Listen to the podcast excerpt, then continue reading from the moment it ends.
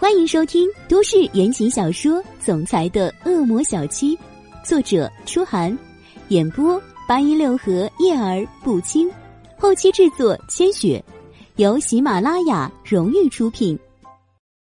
第五十一集，进门后脱了外套，扯了领带，荣寒生便一脸皮色的仰在了沙发上。他闭目养神，伊森倒了一杯水放在他面前。老大，要不明天休息一天吧？那边的事情本来拖了那么久，也不是您去一天两天就能够完成的。说到这里，他又皱起了眉，不无抱怨的说道：“老爷也是，这次也太狠了，停下您的职也就算了，还把您发配到子公司去负责一个拖了一年多没完成的项目，压着您半年内完成大半。西山那个地下迷宫项目。”那本来是大少爷非要上马的，您当时就反对过，现在出了问题丢给您，老爷这明显就是为难您。地勤集团旗下子公司无数，其中在滨海的就有好几家，分别负责不同的业务板块。这次因为许凌寒的事和后来网上流言四起的事情，让荣若普对荣寒生真的生了气，一怒之下。将他停了总部的职，发配去了一家子公司。这家子公司也是房地产为主，在滨海西山郊区开发了一个大型娱乐项目。这个项目有别于其他项目的地方在于，整个娱乐城都建在地下，是带着探险性质的迷宫。根据建设构思，里面弯道复杂，还有模拟各种危机环境的小模块在里面。可以说，这是一个很有创意、很有前途的娱乐项目。但是有一点，这个项目当时子公司报上来审核的时候，荣耀力挺项目上马，而荣寒生去实地考察过之后，觉得那块地的位置根本不合适做地下娱乐城这样的项目，于是他也就在董事会上反对了。但当时荣耀拍着胸脯跟荣若普保证。这个项目没问题，他言之凿凿。荣若普大概也想给儿子一个锻炼的机会，也就驳了荣寒生的反对，认可了荣耀的话。项目上马之初，公司总部这边也是很重视的。子公司的经理拍着胸脯跟总公司保证过，要把这个项目打造成滨海乃至全国最有名气的娱乐城项目。照他当时那个口气来说。就是打造成 Z 国的迪士尼，没想到的是，一年多都过去了，随着项目的不停深入，问题也越来越多，弄到现在子公司快支持不住了，再不派人过去处理烂摊子，他们就要烂尾了。事情到了这个时候，荣耀不吭声了，退到了幕后，再不出头了，而荣若普也没把这样的事放在心上。只把他当成了荣耀的一次小失误，训斥了几句了事。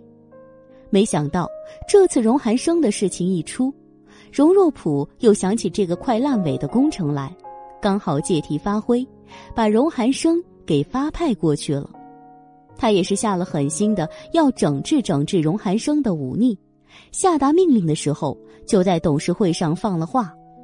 要求荣寒生在半年内完成这个项目的八成工作，否则他就别想再进董事会。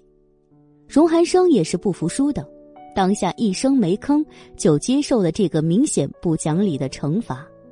正因为如此，这几天他都在工地那边忙这件事，不去不知道，一去才知问题比他想象的还要多，昼夜不停的忙了几天。才算把后续的事理出个计划来。人都不是机器，他就算体质健魄，忙了几天下来也觉得累了，这才回到家就是这副疲态。伊森的抱怨是出于下属的关心，可荣寒生并不喜欢听这样的话。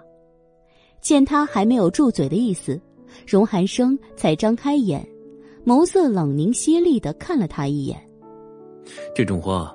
以后我不想再听见。任何人都要为他的所为负责。一涵这件事上，我的决定的确是损害了公司的利益，爸怎么安排也没什么不对，一个项目而已，不值得这么愤愤不平。荣寒生眼神坚毅，透着不屈服的狠劲儿。伊森愣了一下，想想他家老大说的也对，便忙点了头：“是，老大，我知道了。”荣寒生沉默了一会儿，抬手端起了水杯，抿了两口温白水，润了润嗓子后，他才说道：“上次你去 Z 市的事情，一直耽搁着没过去。这两天你把手里的事情处理一下，处理完了就过去。”嗯。伊森愣住，没想到荣寒生在这个紧要关头还惦记着那件事。想到荣寒生现在的处境，伊森有些犹豫。老大，那件事也不着急。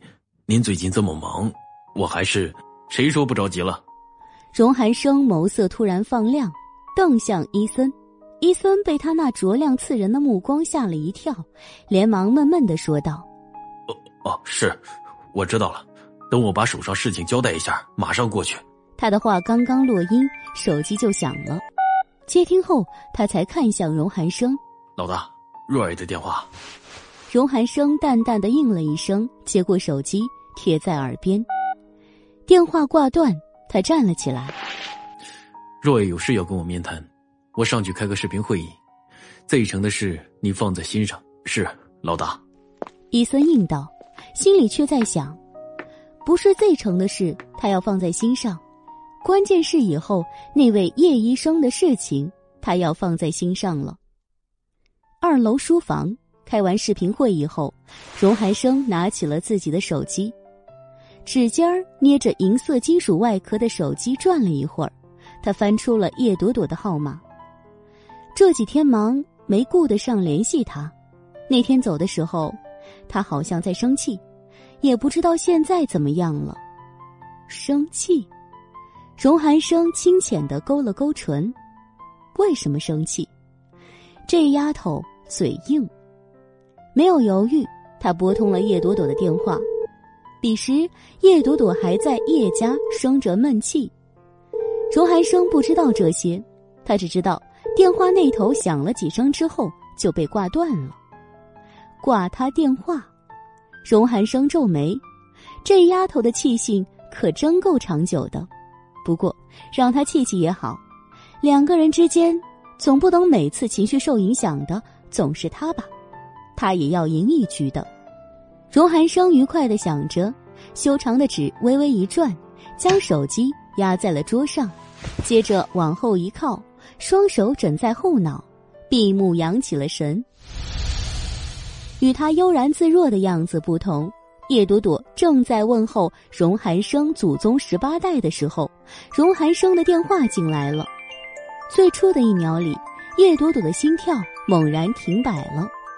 他将眼睛瞪圆了，盯着手机看，反应过来之后，想都没想就摁了挂机键。接，接他妹呀！不是前女友，你侬我侬去了吗？还找他干嘛？死开！心里堵着气，叶朵朵一把把他心爱的 Hello Kitty 手机给扔在了床上。这一夜，他失眠了。前半夜想荣寒生的事，想了半夜。到了中间，开始琢磨叶青言的事情，又想了半夜，最后头晕了，想睡觉，因为没吃晚饭，又被饿得胃疼，彻底睡不了了。第二天早上，饿得要啃人的叶朵朵，天还没亮就爬了起来，从冰箱里翻了点吐司啃掉之后，他也懒得再等天亮跟叶家人打照面，干脆就直接走了。到医院才七点不到，没事儿的他打开了网页，开始浏览各种八卦网站。这是他自从网上被黑那件事发生之后养成的好习惯。叶朵朵从来不认为自己是什么名人，也没想过有一天他会像大明星一样充斥在网络的每一个角落。这件事之后，他才被醍醐灌顶了。原来他也成了焦点。至少在滨海城是这个样子，为什么会这样呢？叶朵朵心里也很有清晰的认识，那是因为荣寒生，他就像是捆绑搭售的那种附属品，某人光芒太耀眼，一不小心就把他这个默默无闻的小透明给照亮了。鉴于自己如今已经那么引人注目了，他就养成了早起先去网上溜达一圈的习惯，监控一下网络上有没有自己的不利新闻。今天早上一圈转下来，像前几天一样，没他什么事儿，一切风平浪静，阳光和煦。但是在某个角落里，他发现了一条跟荣寒生有关的新闻：地勤集团人事巨变。荣家二少疑因出轨丑闻被贬至子公司，倒霉了，活该！这是叶朵朵的第一个念头，心里冉冉升起一丝不厚道的快感。之后，他顺着那大标题仔细的看了下去。帖子也不知道是谁写的，发在本地论坛，上面说的是：据地勤内部人士可靠爆料。荣寒生现在被遣去了一个小的不起眼的子公司，负责一个相当有难度的娱乐城项目，大概是忌惮荣家人。帖子除了标题有点劲爆之外，内容没多说出轨那件事，而是集中在地勤集团上。分析者从这次的人事变动谈到荣家两位公子的继承权。又一一分析了荣寒生和荣耀各有的优势劣势等等，最后还说，董事长荣若普这次下手如此之狠，其实透露出了一个信号，大有打压荣寒生、抬高荣耀之意。因为荣寒生近年表现抢眼，宝刀还未老的荣若普其实忌惮这个儿子，这才出手打压云云。帖子里说了一大堆。那些颇有技术含量的分析，把叶朵朵看得云山雾罩的。不过，整个看完之后，他觉得写这个帖子的人对荣耀那部分的描述纯属歪歪。荣耀在工作中的表现，他是不太清楚。但就绑架他这件事来看，这种人成不了什么大事儿。所以，他认为这地勤集团迟早是荣寒生的。想到这里，他又恨不得甩自己一脸巴掌。集团是荣寒生的，关他什么事呢？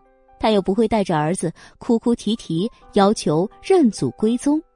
对他来说，荣寒生这个名字现在已经被他拉入了黑名单了。对着帖子里“荣寒生”那三个字眼儿瞪了几眼后，叶朵朵随手插了新闻。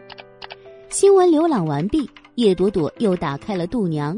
搜索了一阵后，她捏起手机，从某个帖子上抄了一组号码下来，看看时间，七点半，稍显有点早。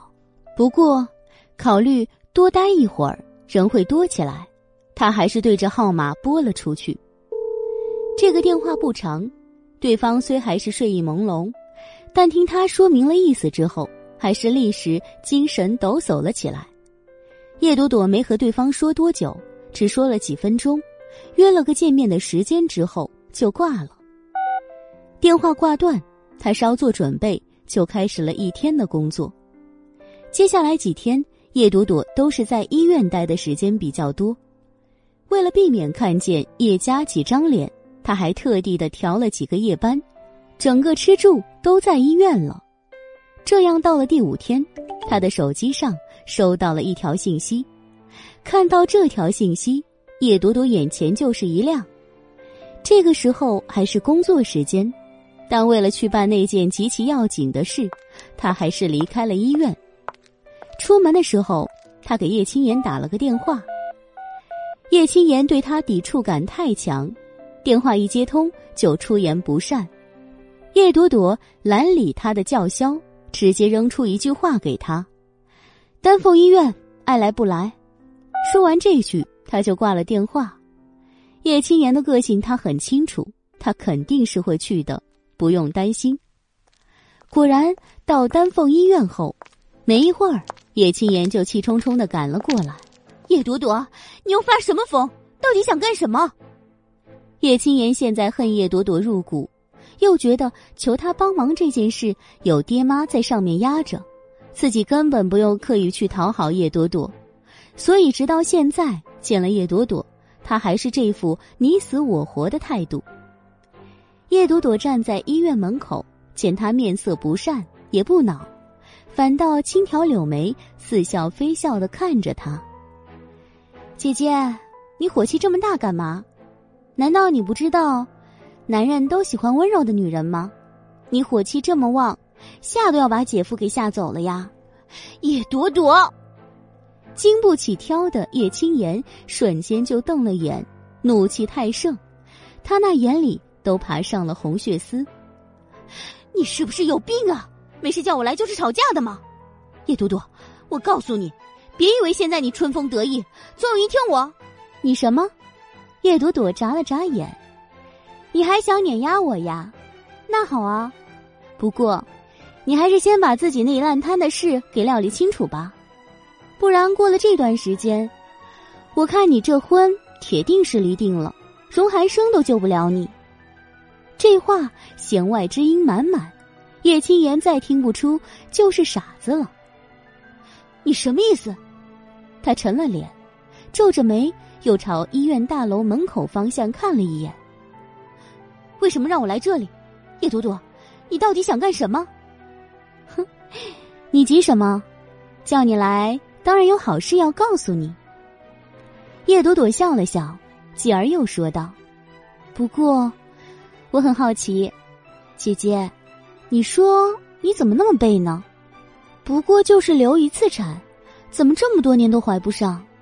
总不会是，你家陆景成不想让你怀上他的孩子，暗中给你下点什么药吧？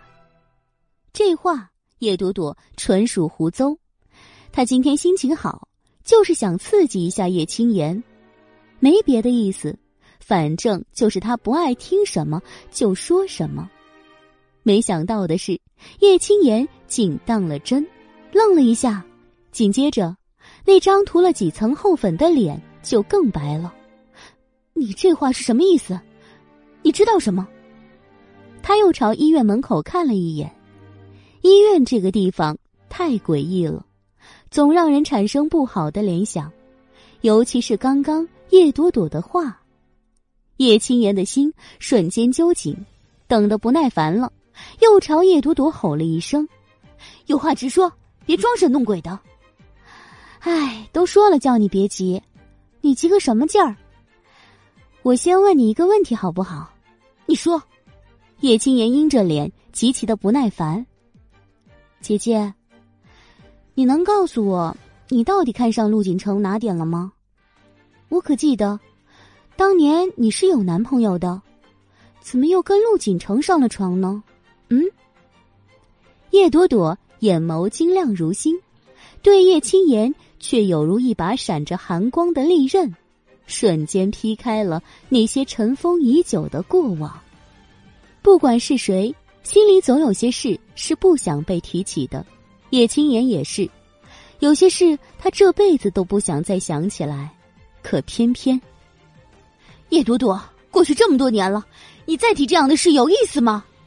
有啊，因为我想求证一些事情，比如。叶朵朵停了一下，上前半步，目光直勾勾的盯着叶青言的眼睛，展眉轻笑。比如，你那个初恋男友徐涛，又比如，你为什么流一次产，身子就耗损成了这样？姐姐，当年我年纪小不懂事，如今我可是个医生，也是个女人，一般的女人不会流一次产。就再不能生了，你也懂得，对吧？他的话宛如当头一声惊雷，叶青言被炸懵了，呆成了一段僵硬的木头桩子，瞪着眼，半天没吭声。叶朵朵的目光在他脸上轻轻转悠了一下，讥诮的笑了一声：“哼，怎么，姐姐莫非得了老年痴呆？”这才没几年的事儿，给忘了。叶朵朵，惊回神的叶青言厉吼了一声，手紧紧的攥着包，恨不能直接把他那只 LV 小拎包给砸到了叶朵朵的脑袋上。把他砸得稀巴烂，让他永远说不出什么话才好。感谢您收听都市言情小说《总裁的恶魔小七》，欢迎收听都市言情小说《总裁的恶魔小七》，作者：初寒，演播：八一六合叶儿不轻，后期制作：千雪，由喜马拉雅荣誉出品。第五十二集，你，你到底想说什么？我跟徐涛怎么样，那都是我的事。再说了，我又没跟他结婚离婚，分个手而已，有什么不可以的吗？叶朵朵，你不就是一直记恨着锦城喜欢我不喜欢你，所以一直对我耿耿于怀吗？真没想到，六年过去了，你还是这么小心眼。哼，我小心眼。叶朵朵笑了，姐姐，陆景城的事我们不提，他爱喜欢谁喜欢谁。我现在已经不甩他了。今天，我只想跟你谈谈徐涛的事儿。姐姐，我记得没错的话，那一年你在友谊医院住过几天吧？当时你和阿姨告诉爸爸是阑尾炎，是这样吗？真的是阑尾炎手术？他一说完，叶青言脸上血色尽退，反倒是那几条猫胡子似的疤痕越发的明显，连粉底都盖不住了。你你，你知道什么了？我啊，叶朵朵抬手探出秀气的食指，在自己的眉毛上轻轻的绕了两下，笑道：“差不多该知道的，我都知道了，你懂的。”我们这一行也是相通的，依我如今在医疗界的人脉，想查查哪个医院六年前的病例也不是难事。我呢，本来也就只是对你现在的身体状况有点好奇，多了个心眼，就手欠的去查了一下。唉，没想到原来真的有故事。姐姐，你说陆景成知道你在跟他之前就堕过胎？他会怎么样啊？你你，丑事被揭穿，叶青言都快疯了。这事儿，他可自认瞒得天衣无缝的。六年前，他本来是跟个叫徐涛的男人谈恋爱的，青春年少，控制不住很正常。谁知道一个不留神，他就怀孕了。也在那时候，他同时留意上了陆景成。徐涛也是个不错的男人，在一个公司做高管。可那跟陆景成这种生来就能继承公司的富二代能比吗？当然不能，所以取舍很明显了，不是吗？那时候他根本没多考虑，立刻就决定把徐涛的孩子留了。本来他是准备偷偷去做这件事的，可是无意中验孕棒被梁芬看见了。所以最后就成了他们母女俩一起瞒着叶明远去打了胎。叶明远虽知道他们住院，可哪能想到这一方面去，所以一直没起过疑心。后来身体好了之后，为了能更紧的抓住陆景成的心，他还特地的找了整容医院做了处女膜修复术。一直到现在，陆景成都坚定不移的相信她是处女跟了他。根本不知道他曾经有过堕胎史，更不知道就是因为有过那次堕胎历史，后来那次滚下楼，他才会伤得那么重，再也生不了。现在，叶朵朵，你为什么非要这样害我？强烈的刺激之下，叶青言真的抡起 LV 朝着叶朵朵砸了过来。叶朵朵灵巧一闪身，抬手攥住了他的胳膊。冷笑，哼，这么不淡定，哎，其实你不用了，你确实有前科，不干净，但是没关系啊，不是有句话叫物以类聚吗？你跟陆景成彼此彼此了，你绝对不用担心他生气，因为等下你就会发现，他没有资格。闻言，叶青言又愣住了，他以为叶朵朵挖出这些事情来是想告诉陆景成。好让陆景成更加借题发挥，死活都要跟他离婚。可没想到，叶朵朵的目的居然不在这里。他的话明显是在提示自己，陆景城也有什么见不得人的事。联想现在他们的位置，不难想出，陆景城那件见不得人的事情就跟这里有关。也许他此刻就在里面。叶青言似瞬间恍然，惊恐的瞪着叶朵朵。过了一会儿，他突然不再对叶朵朵发疯了，而是直冲进大楼里。哎！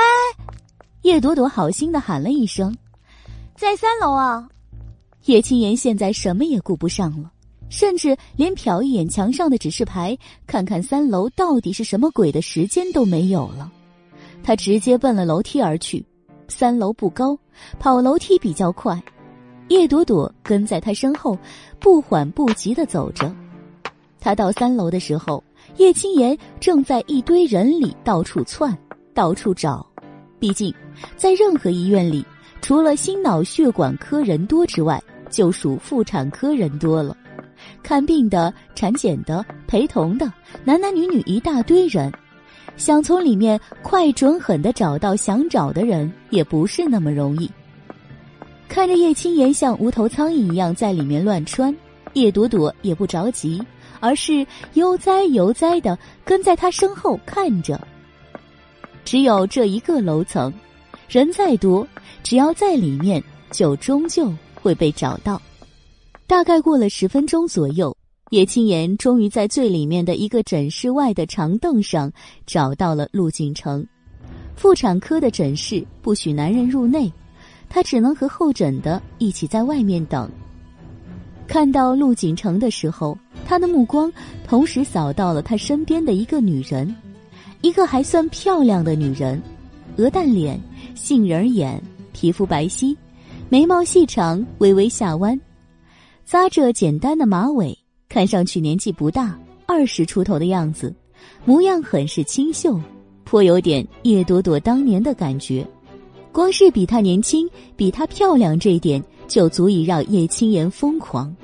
不过，当他的目光从这女人脸上挪下来，挪到她的腰身处时，他整个人就像被钢刀当头劈了一刀似的，震惊、疼痛，到死也不敢相信，就是这种感觉。这女人的肚子挺着，虽然不是特别的明显，但是还是能看出来。而此时，陆景城的手就搭在他的肚子上，他的脸也对着他，正在跟他说什么。女人显得很高兴，摸摸肚子，笑得合不拢嘴。这副模样，任谁都能看出来到底是什么情况。陆景城他在外面有女人，有女人还不算，这女人还怀了孩子。而就在叶青言怒气快要膨胀到极点的时候。这个没眼色的女人居然还没发现前方不远处有这么个人盯着他们。女人还在跟陆景城笑道：“景城，我妈找有经验的人看过了，说是个男孩呢。要不然，我们什么时候找点关系，找个 B 超确认一下？” 好，这个我去打点。现在管得严，要找人。嗯，如果是个儿子就好了。我想给你生个儿子，就跟你一样，一样的眉毛，一样的眼睛，一样的鼻子。女人的手抬起，指尖顺着陆景城的眉毛划过来，最后停在了他的唇上，笑得甜蜜又稍显几分荡漾。看到这里，叶青言心里憋的那股怒气算是彻底的爆炸了。他一秒钟都没有再犹豫，就抡起了 LV，对着陆景城和那个女人砸了过去。陆景城，他歇斯底里的嘶吼一声，那包却没朝陆景城的脑袋去，而是直接朝着那女人的脸砸了过去。两人本都聊得投入，也甜蜜的紧，乍听这一声喊，都有些懵。待回过神，那只浅粉色的包。已经到了跟前，陆景城本能反应的往后一仰，避开了那只包。这样一来，少了阻碍，那只包就十分顺利的砸到了女人的头上。砰的一声闷响后，女人尖叫了一声，这一声石破天惊，整个走廊都炸开了锅。原本坐在他们附近的人瞬间站起，退到了一旁看戏，而原来距离有点远的也凑了过来，近距离的观赏这场撕逼大战。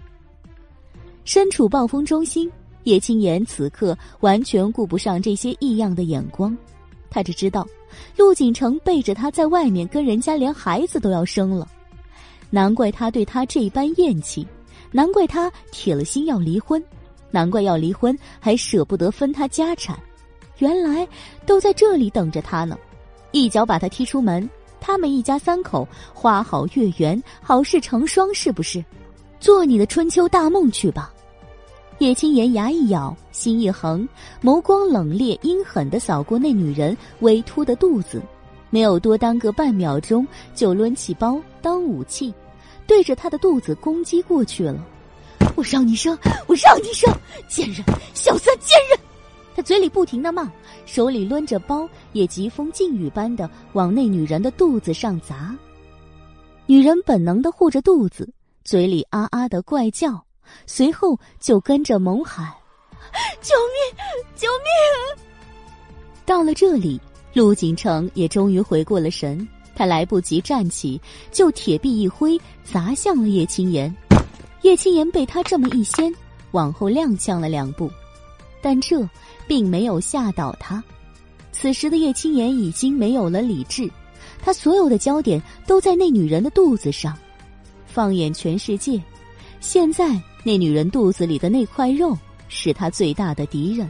一旦让这块肉落了地，他叶青言就是有天大的本事也翻不过这盘棋来。到时候，陆家上下一定会不遗余力的将他扫地出门，而且会分文不给他。在陆家几年，这让他如何甘心？所以他必须除掉这块肉。叶青言下了狠心，刚一站稳，就又朝着那女人扑了过去。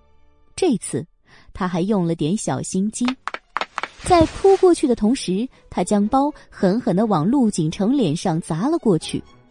陆景城躲避这个包攻击的时候，他就朝女人扑了过去。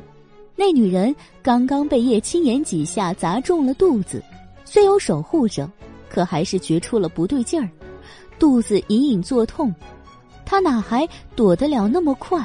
几秒的时间，他就被叶青言给抓住了，手里没了包做武器，叶青言就死揪着女人的衣襟做了高抬腿。朝她的肚子就顶了过去。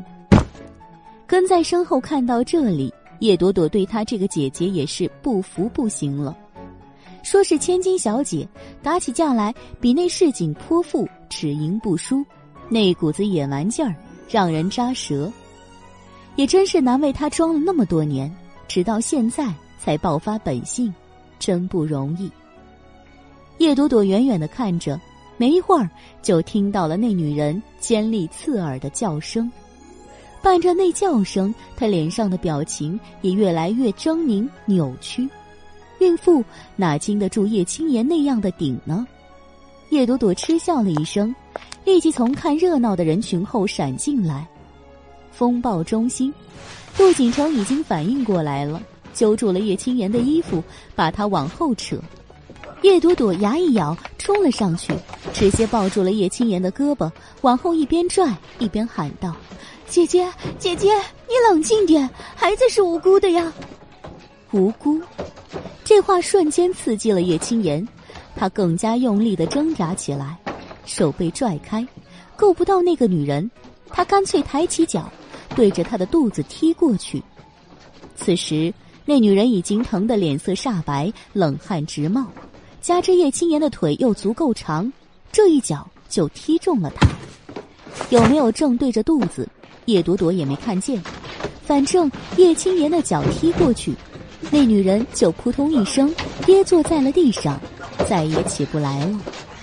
见女人倒地，叶青言还想继续扑过去行凶，无奈陆景城下了死劲儿，将他拽得动弹不得。陆景城知道。这两年，叶青言的脾气越来越暴躁，但是没想到他会像一个疯妇一样歇斯底里的打人。今天一看，他更加的坚定了要离婚的决心。脸一沉，牙一咬，他手臂用力一转，将叶青言翻转过来，接着就松开一只手臂，抡起来，对着叶青言的脸就呼了一个巴掌。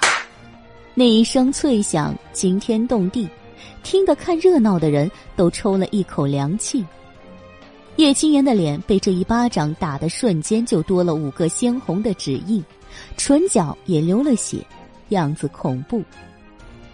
陆景成松开叶青言时，叶朵朵凑了上去：“姐夫，你别怪姐姐，她是太伤心了。”她小脸皱起，一双水眸雾气悠悠。活脱脱一副可怜兮兮的哀求模样。陆景成本来急着要去扶那个倒地哀嚎的女人，见到叶朵朵，竟愣住了。朵朵，你怎么跟他在一起？我，叶朵朵快哭了，至少脸上看着是这样。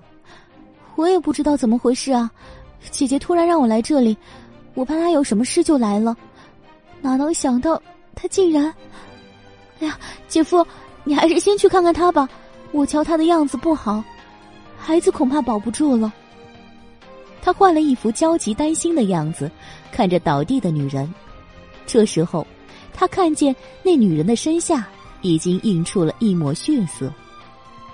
陆景成被他这么一提醒，这才恍然回神，慌忙奔了过去。若曦，你怎么样了？叶青言一见陆景成那样宝贝他的小三儿，顿时又火冒三丈，连跟叶朵朵计较他那番话都顾不上了，就直接冲了过去，又开始了新一轮的撕扯。叶朵朵暗暗抿唇，识趣的往后退了一步，离开了这风暴中心。他刚刚那番话确实是鬼扯，但那又怎样？叶青言就算实话相告，以陆景成现在对他的厌恶。他根本不会听他说什么，所以喽，倒霉的只会是叶青言一个人，陆景成是怪不到自己头上来的。当然了，叶朵朵也不是想给陆景成留什么好印象，只不过嘛，他想给自己留个后面也许用得着的人。陆景成和叶青言母女关系复杂，就是离了婚，一时半会儿也不可能完全断了关系。他得先把这样一个人给稳住，也许后续还用得着呢。叶朵朵一边想，一边慢慢往后退。从陆景成那个小三儿的出血量来看，他的孩子肯定是保不住了。这样一来，陆景成不撕了叶青言才怪，更加不会考虑跟他复合这样的事了。而自己呢，给父亲和梁芬也有交代了。叶青言在求复合的关键时候弄出了这么一出，是个人都知道，人家更讨厌他了。他自己要逼着陆景成跟他离婚，谁拦得了？到时候自己只要跟父亲说求了荣寒生，可荣寒生气还没消，不答应就行了。毕竟，现在陆景成的怒气和离婚理由都是因为叶青言弄掉了他好不容易得来的儿子，跟荣寒生。可没什么关系了，父亲就是再不讲理，也不能要求人家荣寒生逼着陆景成跟叶青言复合，是不是？所以，自己的麻烦算是解除了吧。出了医院，仰头眯眼看了一会儿天上灿烂的太阳，叶朵朵勾了勾唇。回自己单位之前，他找了个银行自动存取款机，把剩下的尾款付给了私家侦探社。叶明远给他布置任务之后，他想起手机里有陆景成和那个什么若曦的对话，就来了灵感。随后，他找了家私家侦探社，跟踪了陆景成几天，于是有了今天这么一出。叶朵朵承认他有点阴损，不过这怪谁呢？要不是他们一个两个都想利用他，他也不会这样，是不是？再说了，若不是陆景成自己行为不检点。婚内出轨，还有了孩子，他就是想发挥也没地方发挥，这就是因果。世界上所有的事情都是这样，有因才有果，印证了那句话：，no 作 no die。感谢您收听都市言情小说《总裁的恶魔小七》，欢迎收听都市言情小说《总裁的恶魔小七》，作者：初寒，演播：八音六合叶儿不清，后期制作：千雪，由喜马拉雅荣誉出品。第五十三集，这一天有了这个鸡飞狗跳的事情之后，其他的一切安好。下午叶朵朵也不是很忙，就早点下班了。今天她得回叶家去，虽然现在叶家还没有人给她打电话，但是她知道，叶家这场闹腾也少不得。让他意外的是，到家的时候，叶明远和梁芬竟然都不在。问过才知道，他们都跟着叶青言一起去陆家了。叶朵朵笑了，也对，陆景城出轨在先，他们自觉有理了，可以去陆家兴师问罪了。只是陆家人能买账吗？他们可是刚刚丢了个孙子啊，还能管什么是不是他们家儿子先出轨这种事吗？叶朵朵觉得未必。他这个推断。到了晚上九点多的时候，就得到了应验。大概九点一刻的时候，原本在自己房间的叶朵朵就听到了楼下的动静。叶明远是一进门就骂开了：“过分，岂有此理！他陆家算是什么东西？简直欺人太甚！”梁芬的话跟上：“是啊，明远，这下你也看到了，这离婚的事情怪我们青言吗？”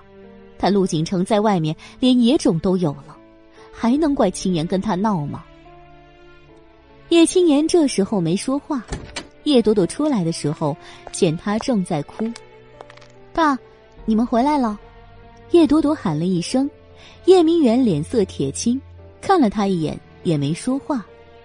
叶青言抬眼一看叶朵朵，那邪火又冲他来了。是你，是你，这一切都是你搞的鬼！他哭着骂，叶朵朵皱了皱眉，做委屈状：“姐姐，这怎么能怪我呀？又不是我让姐夫出轨，找小三儿生孩子的。”说完，不容叶青言再开口，他就转向了叶明远：“爸，你评评理，我也是为姐姐好呀。刚好那个医院有我的朋友，他也知道我跟陆景城的事，这下见了陆景城，陪着另外一个女人去产检。”心里就起了疑心，让我去看看。我想着，这样的事情可不能瞒着姐姐啊，就告诉了她。没想到她那么冲动，冲过去就把人家孩子弄掉了。爸爸，你说，这怎么能怪我？难道我知道了这些，就该瞒着，就该让陆景城过几个月之后，把孩子领回家，连带着小三儿一起欺负姐姐？其实，在路上，叶青言已经把今天的事情跟叶明远说了。叶明远本来对叶朵朵也有怒气，可现在听了叶朵朵这话，他也不知道该信谁了。不过现在，信谁不信谁这个问题不重要，重要的是眼下怎么办。叶明远眉毛一紧，不想再纠缠两个女儿的话，哪个是真的？厉声便说道。你们两个都别吵了。扫了叶朵朵一眼后，他又瞪向了叶青言。你更别怪你妹妹，要怪怪你自己，连个男人都看不住，在外面孩子都有了。就像朵朵说的，他要不叫你过去，难道等着陆景城把那孩子领进门？青言呐，你什么时候变得这么没用了？好好的一段婚姻被你弄成了这样。现在好了，你看怎么弄？一言出，里里外外的意思都不由得偏向了叶朵朵。叶青言气得咬牙，却知叶明远此时正是盛怒中，不敢再说什么。叶朵朵实在懒得再理会叶青言和陆家的事，要说的话说完后，他就识趣的装起了木头。叶明远显然今天被这一事儿闹得堵心话也比较多，从他絮絮叨叨的斥骂中。叶朵朵提炼出了他们今天去陆家交涉的结果。陆景城那个小三儿的事，陆父母先前已经知道了一点，他们虽然对儿子婚内出轨这样的事也有微词，但是想着马上就能抱孙子，也就没干涉。这下好了，快要到手的胖孙子突然没了，陆家父母很受刺激，尤其是陆母，差点心脏病发作。有了这样的基调，叶青言和叶明远他们上门后，等于直接撞到了枪口上。陆家揪住叶青言不能生孩子这一点，大肆发散，最后一言不合，两家就谈崩了。岳父要求陆家赔礼道歉，陆景成保证以后不再出轨；陆家则要求马上离婚，并且鉴于叶青言进门几年没什么贡献，也不给什么补偿。这样一来，叶父哪肯？这就吵了个天翻地覆，不欢而散。叶明远怒气太盛。站在客厅里数落叶青言，也数落了将近一个钟头，听得叶朵朵瞌睡都要来了。最后，叶明远放了话：这婚死活不离，达不了目的也要跟陆家耗着。如果就这么净身出户了，别说既得利益没了，这脸也跟着没了。以后在滨海，他们叶家就要成为笑柄了。所以耗死他们也坚决不能离。这个方针政策落地之后，叶明远终于渐渐消停了，叶朵朵也终于可以上楼睡觉了。折腾了这么一天，这一夜他算睡成了猪一样。第二天是周末，他没去医院，在家瞅了个机会，把荣寒生的事情说了一遍。大概的意思就是，荣寒生因为这次的事受到了严厉的责难，此时对他也是恼火之极。他的请求刚一开口，就被他挡了回来。等等，这样的话，听了这样的话，叶明远那脸色可想而知。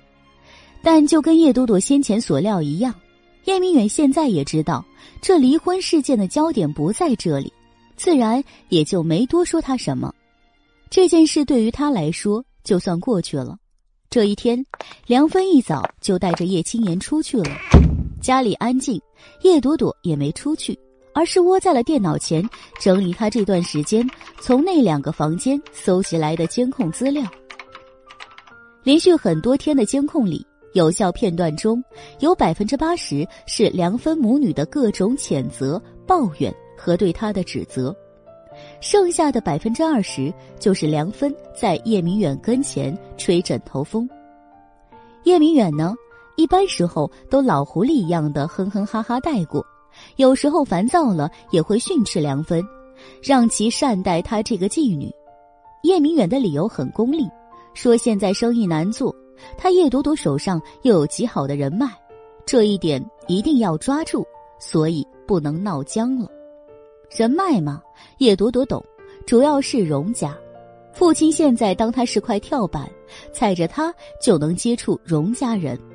对于叶明远这样的想法，叶朵朵现在只有一声嗤笑：“踩就踩吧，看他能不能踩得稳了。”都是一些吵吵闹闹、没有营养的内容，这让叶朵朵多少有些灰心。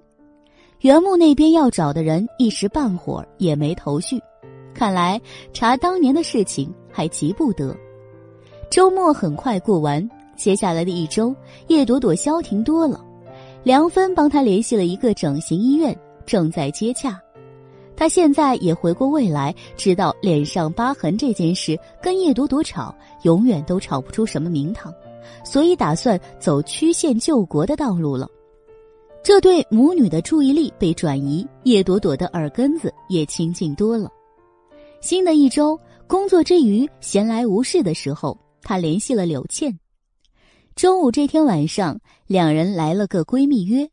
夜晚的步行街，华灯异彩，游人如织，加上秋风清爽，闺蜜相伴，叶朵朵的心情那是极好的。倩倩，我说你别这么吃了呀，你已经比之前胖了一圈了。柳倩在甜点屋买了一只抹茶冰淇淋的时候，叶朵朵一把就把它给掐了过来，直接送进了自己嘴里，振振有词。别瞪我，我这是为你好呀！你还没有男朋友呢，要保养身材，胖成猪谁要你？叶朵朵，你嘴上留德呀！我哪里胖了？柳倩不服气，扭了扭腰，嘟囔：“腰围二尺而已，这叫丰满。你那个腰，风大点儿都能吹断了。断个毛，我柔韧着呢，天天练瑜伽的。叶朵朵得意的吧唧着冰淇淋。柳倩来夺的时候，他就故意扬起了手，龇牙咧嘴的朝他笑。柳倩气疯了，抬手在他的屁股上拍了一巴掌：“你这个没良心的，说请我吃饭，约我逛街，感情都是刺激我来的。”叶朵朵捂着有点疼的屁股，心眸一闪：“没有啊，我明明是激励你来的。我要你激励，你还是先激励好你自己吧。”冰淇淋已经被某人舔去了一半，柳倩也放弃了夺回吃口水的念头，她把叶朵朵一拽。瞪眼盯着他，叶朵朵，你老实交代，跟那个荣寒生怎么回事啊？什么怎么回事？叶朵朵装着糊涂，白牙上沾染了一点浅绿的抹茶，龇牙咧嘴，没心没肺的笑着。哼，柳倩冷哼，少装了。人说无风不起浪，前阵子那浪快把你拍沙滩上了，可见你这妖风吹得多么激烈。哎。什么妖风，倩倩，还能好好玩耍吗？有你这么说自家亲闺蜜的吗？为了发泄，叶朵朵故意啃了一大口下去，冷得牙根打颤。柳倩眉眼一挑，满不在乎的说道：“我说的不对啊，网上的东西虽然不可信，但我总觉得你们俩之间有奸情。啊，有劲了，有劲了，再见。”叶朵朵翘起小嘴，没好气的翻了一记白眼。见他做出生气的样子，柳倩反倒笑了，凑过来又嬉皮笑脸的说道：“哎，说实话，你是不是真的看上那个荣寒生了？不过说真的，反正他也没结婚，你要是真喜欢，大胆往前冲啊！那种男人嘛，哼，我也喜欢的，可惜人家没瞧见我。”不然估计也没你什么事儿了。柳倩仰着脖子自娱自恋，叶朵朵直接回了个呕吐状给他。路过垃圾桶，叶朵朵把冰淇淋盒子扔了，才说道：“我负责任的告诉你，我对荣寒生不感兴趣。那个混蛋。”刚想把以前抨击过荣寒生的那些词汇全搬出来再溜一遍，他的手机响了。叶朵朵的手机设置了几种铃声，这个响铃是医院的。下班点儿给他打电话，那肯定是有事。旋即，叶朵朵就收了嬉笑的表情，严肃的接起了电话：“助理在电话里火急火燎的说道。叶朵朵闻言，神经猛地一阵紧绷：“什么事？”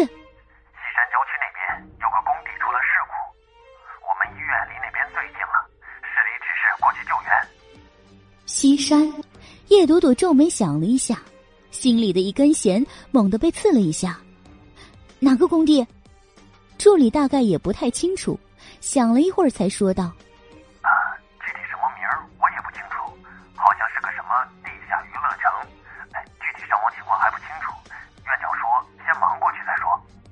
娱乐城，那不是荣寒生现在在的地方吗？叶朵朵有些懵，攥着电话。半天没吭声，直到助理在那边喊他，他才恍然回神，应道：“好，我知道了，我马上回去。”挂了电话，叶朵朵再没了逛街闲话的心思，粗粗的跟柳倩说了大概之后，就以百米冲刺的速度往步行街入口处的停车场跑了。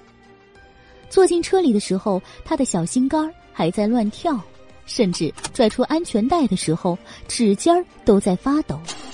打开引擎，他才长舒了一口气。他在担心荣寒生，这一点是毋庸置疑的。为什么还这样？叶朵朵觉得自己在犯贱，但即便是犯贱，他也觉得现在有必要给荣寒生打个电话，因为如果不打的话，他怕他的小心肝儿会一路扑腾，万一路上出了车祸。不划算，所以在车轮转起来的时候，叶朵朵摸出了手机。打电话之前，他就决定好了，如果那边的人还能平静的接电话，他就一声不吭，伪装一个不小心摁错键的现场，来个死不承认。叶朵朵是这么想的，当然有点此地无银三百两的嫌疑，只不过却没人嘲笑他，因为电话拨过去之后，传来的提示音竟是“您拨打的电话无法接通”，无法接通，无法接通。叶朵朵嘟囔了好几遍这四个字，捏着手机，不由得皱起了眉，有些烦躁。烦躁了一会儿，他又想，像荣寒生这种身份的人，应该也不会深入工地现场，即便有什么险情，也轮不到他才对。对，一定是这样。所以，他也许现在在哪个销金窟里快活，根本顾不上接他的电话。这么一想。叶朵朵那小心肝儿又慢慢回归了原位，不过即便如此，她还是提了速，尽快的赶往了医院。到了医院后，院长亲自主持集合，很快该去的人和设备都上了车。一路上，叶朵朵都没参与同事们的关于这次事故的讨论，她只捏着手机，静静的坐在一边，低着头看。看了一路，手机都是静静无声。到最后，他也烦了，将手机揣进兜里，心里暗暗咒了一句：“荣寒生，你死哪去了？”救护车呼啸一路到现场后，所有人都忙了起来。叶朵朵是第一个冲下车的，一下车就听到不远处一片嘈杂。这是一片依山的工地，滨海城是靠海平原，山体不多，最高的就在西山这里。娱乐城所在的工地就在山脚下，依山而建，竖着高大醒目的标牌。此时，工地上人声鼎沸，灯光通明，还有救护、消防、公安等各式车辆发出的鸣笛声混在一起，整个工地俨然乱成了一锅粥。公安和消防来的比他们早，叶朵朵跑到跟前的时候，出事的施工点已经忙开了。这是个塌方事故，施工点本来有不少工人在地下施工，但是不知道什么原因，上面的土石承受不住，坍塌了下来，把工人给埋在了里面。而且这里面格室还有好几个，虽然表面上看起来就是塌了一处，但实际土堆下面被埋的人却分布在各个格室里面，这就给救援增加了难度，也让里面的人多了几分危险。因为如果不能尽快的找到并救出，他们很可能会窒息而亡。看到这里，身为医者的叶朵朵的心也揪紧了，但他只是医生，不会救援，也只能站在旁边待命。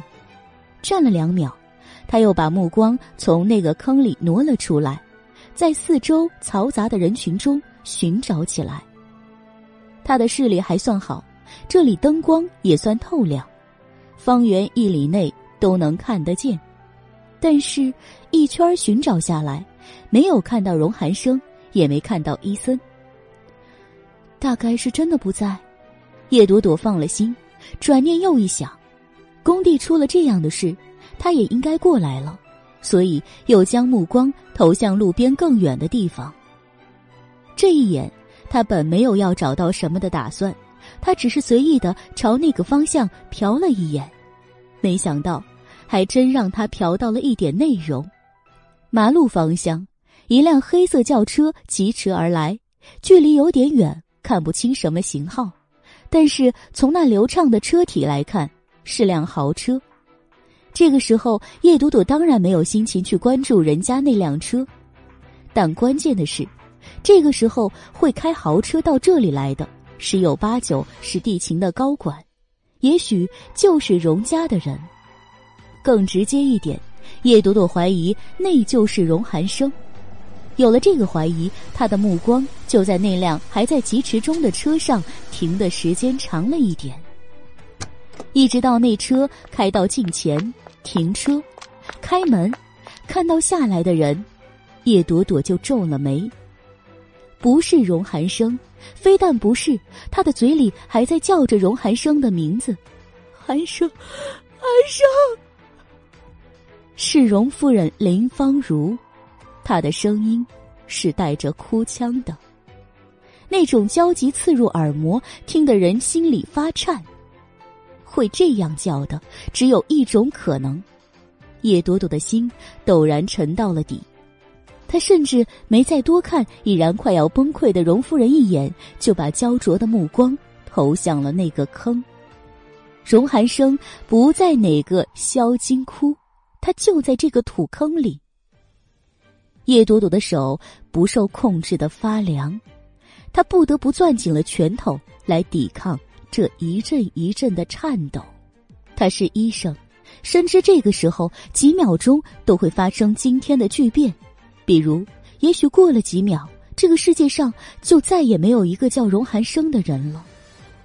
这个念头闪过，他整个人都僵硬了，一双眼眨都不眨一下的紧盯着那土坑里。感谢您收听都市言情小说《总裁的恶魔小七》。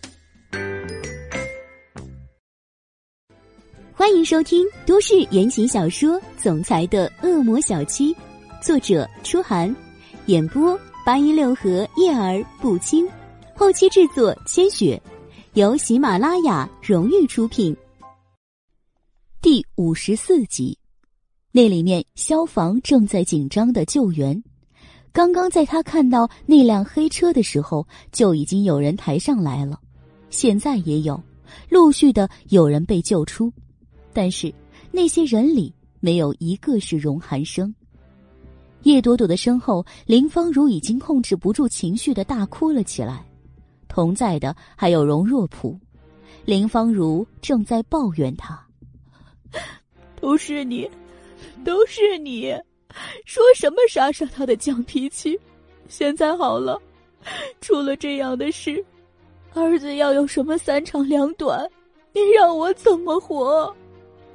这样的话，任谁听了都揪心。荣若普此时也是心急如焚，没有理会林芳如的话，而是跟叶朵朵一样，双眼紧盯着救援现场。地勤的董事长亲自到场，先前来的媒体记者也涌了过来，但都被荣家的保镖挡在了一边。记者们并不放弃，纷纷举着相机狂拍。一时间，闪光灯的光芒刺眼如针。叶朵朵带着焦虑的心情，笔直的站在救援点前，目光始终没有离开过那里。直到那个熟悉的人被抬出来，他一身西装，全身都是土，头上、脸上、身上到处都是，几乎看不出西装的本来颜色。还是荣总，那是荣总啊！旁边有人爆出惊呼。像一根钢针，突然扎进了叶朵朵的心里，让她不由得打了个寒噤。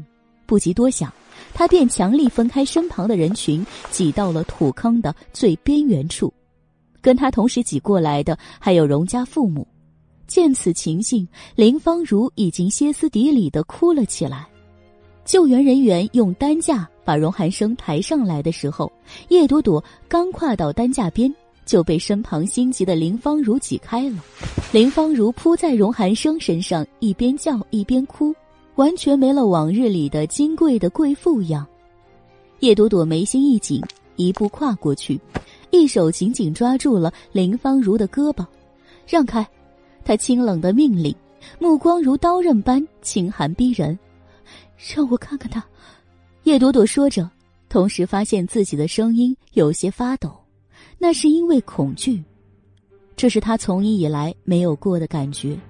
他现在就很怕担架上这个一身是土的男人死掉。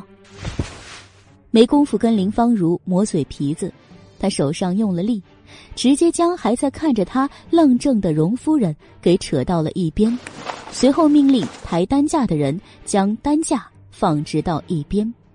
抢救贵在及时，他现在已经等不及让人把荣寒生抬到车里去了。他得先确定他的情况如何，检查呼吸情况，抬起手指轻压在荣寒生的颈动脉处。几秒后，他稍稍松了一口气，还好，起码还活着，有呼吸脉搏，暂时不需要心肺复苏。指尖收回。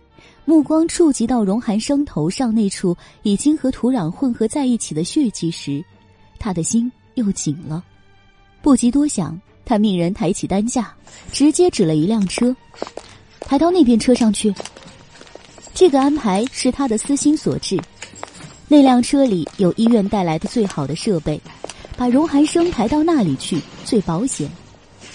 担架上了车，林芳如和荣若普也急步跟了过来，但是叶朵朵没让他们上车，而是将他们挡在了车门外。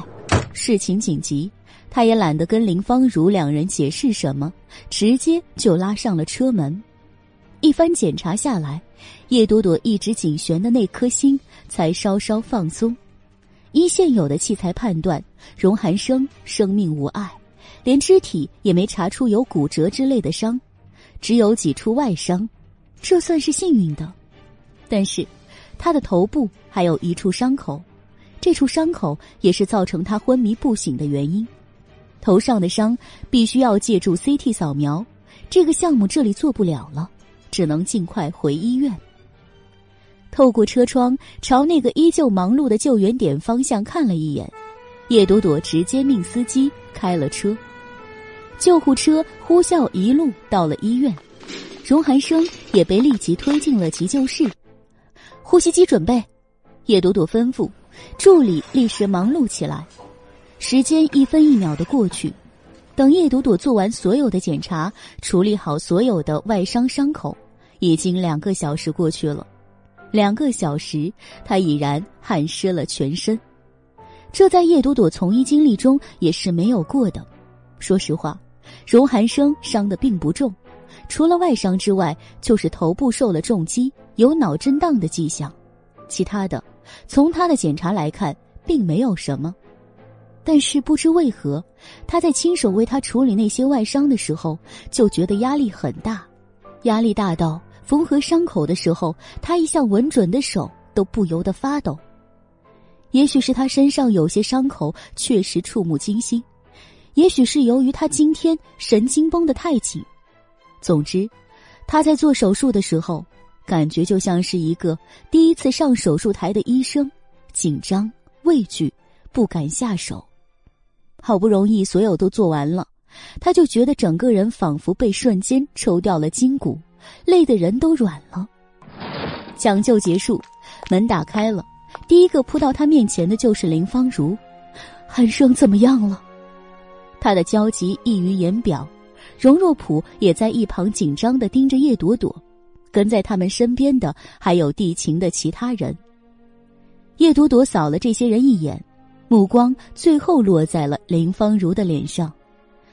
人没事，几处外伤，脑震荡，还没醒。他简言之。林芳如听见“人没事”三个字之后，就松了一大口气。所有人都在交头接耳的庆幸。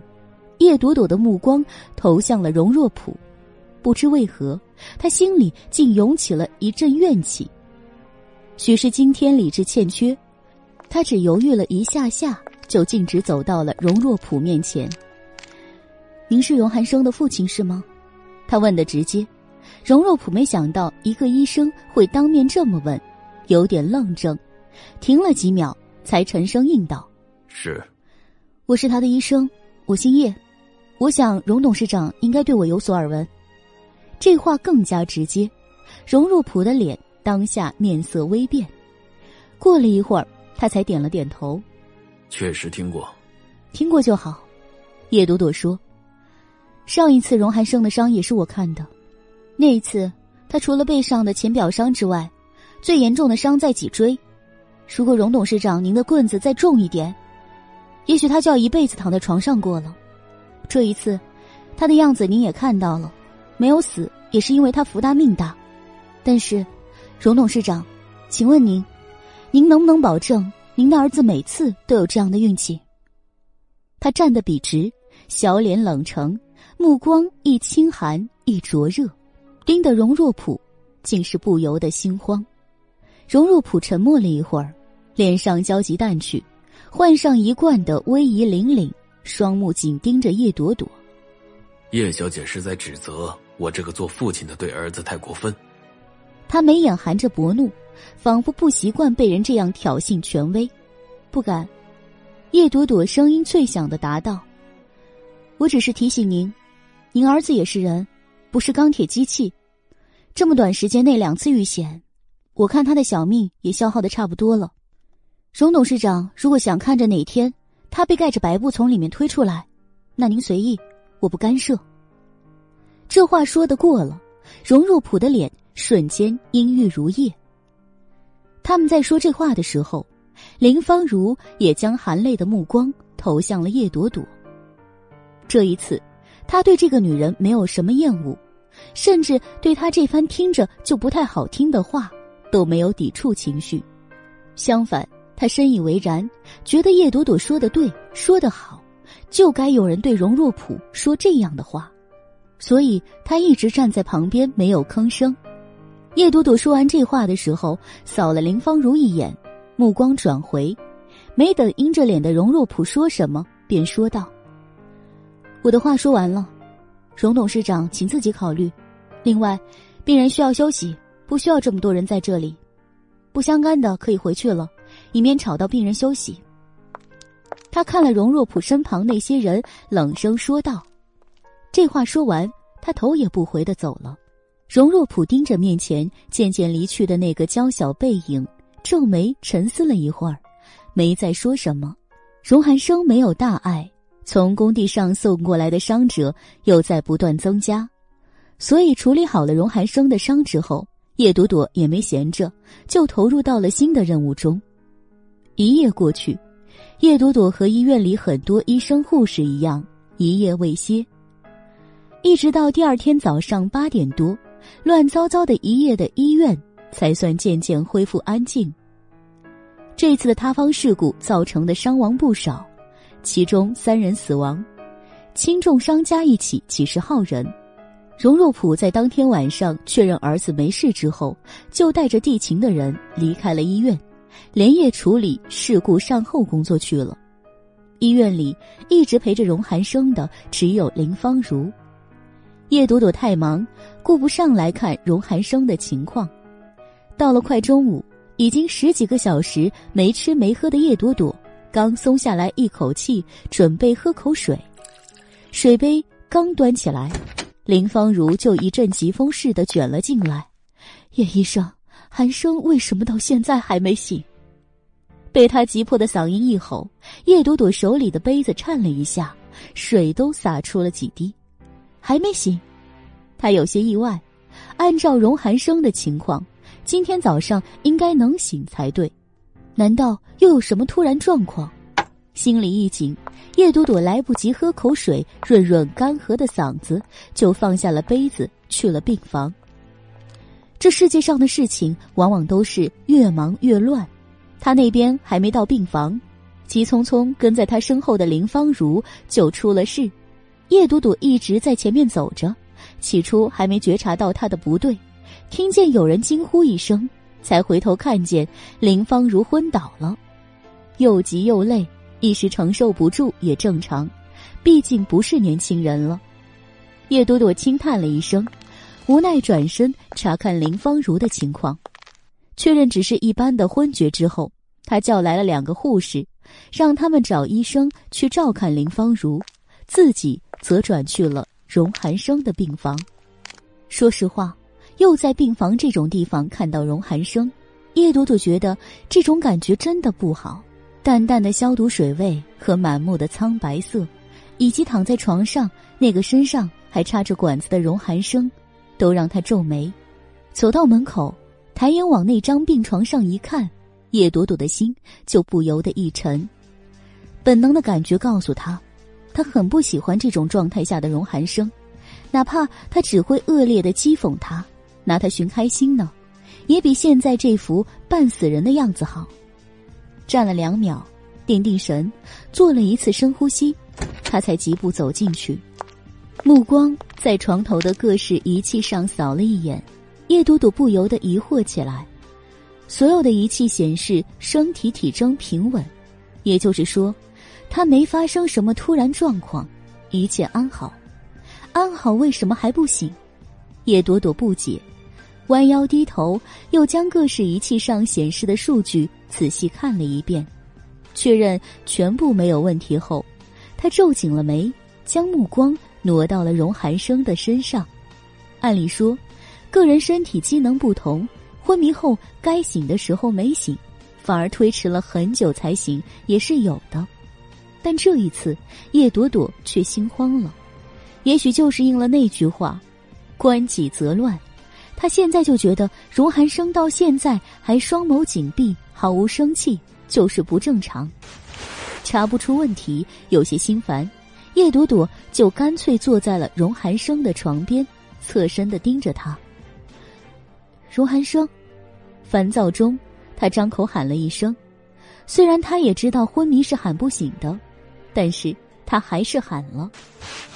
喊了之后没反应。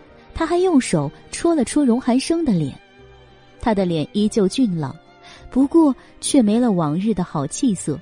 他神色苍白，脸上还有不少几道擦伤，虽然都是浅表伤，但是印在脸上，看着也心惊。盯着看了一会儿，叶朵朵的两道长眉就彻底连在了一起，成了一根麻花。明明都没事的，为什么还不醒？这样装死真的好吗？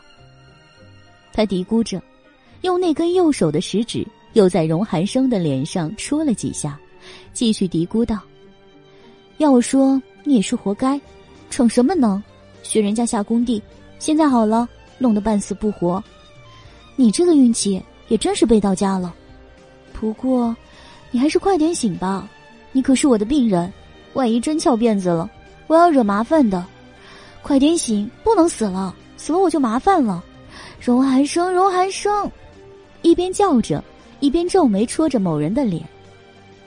叶朵朵并没有察觉他此时的动作行为有多么的幼稚，喊也喊了，戳也戳了，人还是没反应，他更急躁了。算了，干脆再拖去急救室，再细细检查一下，看他到底是什么问题吧。念头闪过，叶朵朵立即站起，脚步刚刚一抬，她的身体就僵了一下，她的手被攥住了，就是那根刚刚一直不停的戳某人脸的手指，现在正被人攥在手心里，那手心温热干燥，是他熟悉的那只手。呆了两秒，他倏地扭头，瞪大眼睛看向床上的人：“你醒了。”话出口的时候略带惊喜，音落下又成了气愤。醒是醒了，可那薄唇浅漾、目放金光是什么鬼？除了带着擦伤的脸依旧苍白之外，他的表情看起来哪点像一个昏迷刚醒的人？他那分明是看戏的表情。看什么戏？还能看什么戏？看他刚刚在那儿自言自语。在那担心的章法全无了，荣寒生，你，我再不行，脸都要被你戳破了。荣寒生笑道，低沉的嗓音略略干哑。说完，他手上轻轻用力，将叶朵朵又给扯到了床边坐下。叶朵朵身体坐下，手却没好气的往外一抽，但奇怪的是，他这一抽，竟没把自己那根手指头给抽出来。反倒他的人被荣寒生同时用力一带，给带倒了，压在他的胸口上。刚醒力气还这么大，这男人莫非一直在装昏迷？叶朵朵皱眉，目光不善的盯着荣寒生：“你是不是早醒了？玩我呢？气死了！真是气死了！白白浪费掉他多少担心！丫的，叶朵朵，你真是自犯贱不可活！”没事儿，去担心他干什么？他明明好的已经可以欺负你了，松开！他挣扎了一下，不料荣寒生的双臂都抬了起来，紧紧的将他抱住。不松，执拗、蛮不讲理，还透着一股子得意非凡。这人气死人不偿命呢！荣寒生，你觉得这样很好玩是不是？有意思吗？你妈妈已经急得晕倒了，你知道吗？闻言，荣寒生神色一变，那双紧紧圈起的手臂也僵了一下。他怎么样了？怎么样？你还有心管他怎么样？多大人了，还玩这种把戏？你知不知道？话到嘴边，他又把他们噎了下去，紧闭起了唇，只瞪眼，不再说了。感谢您收听都市言情小说《总裁的恶魔小七》，欢迎收听都市言情小说《总裁的恶魔小七》，作者：初寒，演播：八一六合叶儿不清，后期制作：千雪。由喜马拉雅荣誉出品。第五十五集，荣寒生是沉默了一会儿，目光悠悠一沉，追问了一句：“我妈到底怎么样了？”急火攻心，血压上来了。心里生气，叶朵朵没说没事，只说了林芳如的病情。荣寒生目光紧紧的盯在她的脸上，许久，才突然轻叹了一声。没事就好。我什么都没说，你凭什么脑补没事？叶朵朵奇了怪了，撇嘴逆着他。荣寒生这才缓和表情，微微一勾唇。因为有你在，我知道他不会有事的。这话说的还能再肉麻一点吗？心里虽觉得肉麻，但是叶朵朵的脸上只冷嗤了一声：“你倒是看得起我，可惜。”我没看准你，你这么会装，我还真当你要死了呢，差点直接送去太平间了。你舍得？荣寒生嬉笑，手臂故意紧了紧，让那具温软的身体贴自己更紧。你想不想知道我是什么时候醒的？什么意思？莫非还不是今天早上？天哪！他想杀人怎么办？叶朵朵要崩溃了，话也说不出来，只能咬牙切齿的。瞪着一双水眸盯着荣寒生。昨天晚上，荣寒生的声音含笑溢出。被救出来的时候，我还有意识。那时候我在等你给我做人工呼吸。荣寒生沉默了几秒，叶朵朵突然爆出了一声河东狮吼，身体被他圈的动不了，好不容易把一双手臂挣脱出来。顿时就抡起了小拳头，不要命的在荣寒生的胸口上砸了两拳。你个老色鬼，什么时候了，你还不忘那点事儿？你知不知道别人多担心？真的被气死了，他那嘴上就少了把门的，把心里最不想让人知道的秘密都吐露出来了。耳膜被他尖利的声音刺得发麻，胸口更被他一双粉拳砸得微微钝痛。但对于荣寒生来说，此时的感觉却是好的，让人唯恐时间流逝太快。你很担心我？他挑中最要紧的一句，故意问。叶朵朵被他口中喷出的湿热气息撩了一下，瞬间回神，瞪眼果断的说道：“没有。”他的拳头松开，便掌撑在荣寒生的胸口上，放开！你有这个闲心跟我调情？不如想想这次事故的善后，死了三个人，受伤近百，有你受的。这人的神经也不知道是不是钢丝拧的，承受能力可不是一般的强大。出了这么大的事情，自己也差点挂了。一醒来还有心思调情，叶朵朵没好气的直翻白眼。好在他的话终于起了点作用，荣寒生面色微变。过了一会儿，终于将手臂松开，趁机站起。叶朵朵低头理了理衣服，一直没听到荣寒生说什么，他才又抬眼看他，怎么，良心发现了？叶朵朵本来还想加一句抨击资本家的话，见他神色阴郁，又忍了回去。荣寒生的目光较之刚才暗淡了许多。盯着叶朵朵看了一会儿，才说道：“这件事我会好好处理。好好处理，大约也就是多给抚恤金这样的措施。可钱跟人命相比，算得了什么呢？”叶朵朵心里有些鄙夷这样的事，但转念一想，又觉得这个世界本就如此。荣寒生他肯定也不想发生这样的事。站在他的角度来说，多给钱。已经是仁至义尽了，他没有再讥讽他，只眉目浅淡的说道：“山后的事情有你父亲，还有你们公司其他的人，你现在最好多休息。虽是医生常说的套路话，但这话出口，还是让荣寒生的面色缓和了一点。朵朵，自他口中突然又溢出了自己的名字，叶朵朵脑子里轰的一声，眉心刚蹙起，门外竟然有了动静。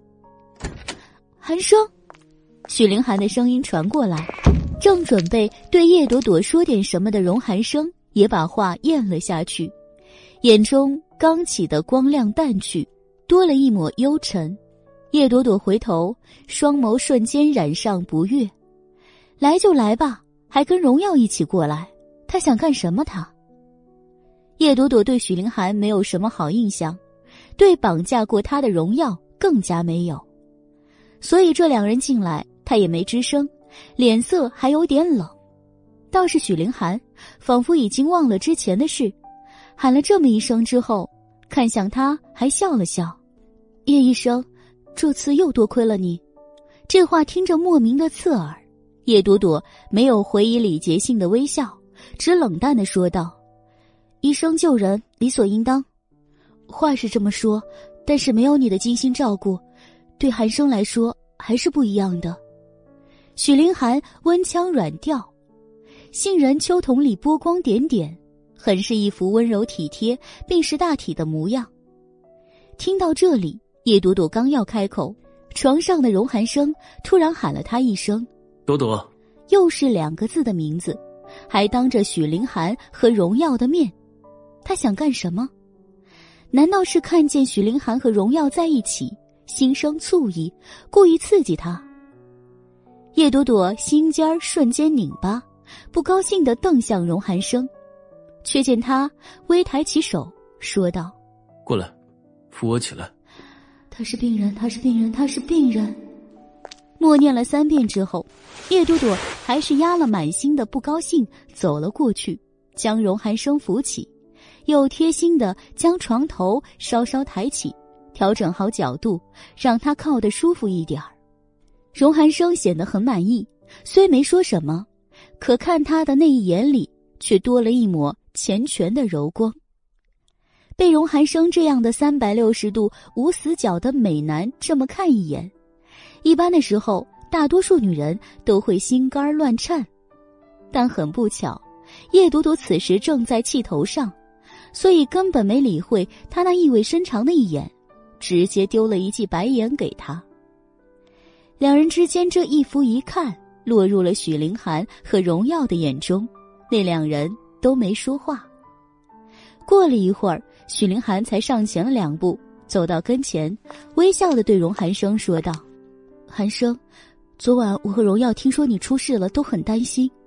后来打电话给伯母，说你没事了，我们才没有过来。你现在感觉怎么样了？”荣耀，以前他一直叫他大哥的，没事了，很好。荣寒生神色浅淡。目光在许凌寒脸上轻扫了一眼后，看向了他身后的荣耀。我以为大哥这时候应该忙着善后才对，没想到还这么有闲跑来看我，真是让我感动。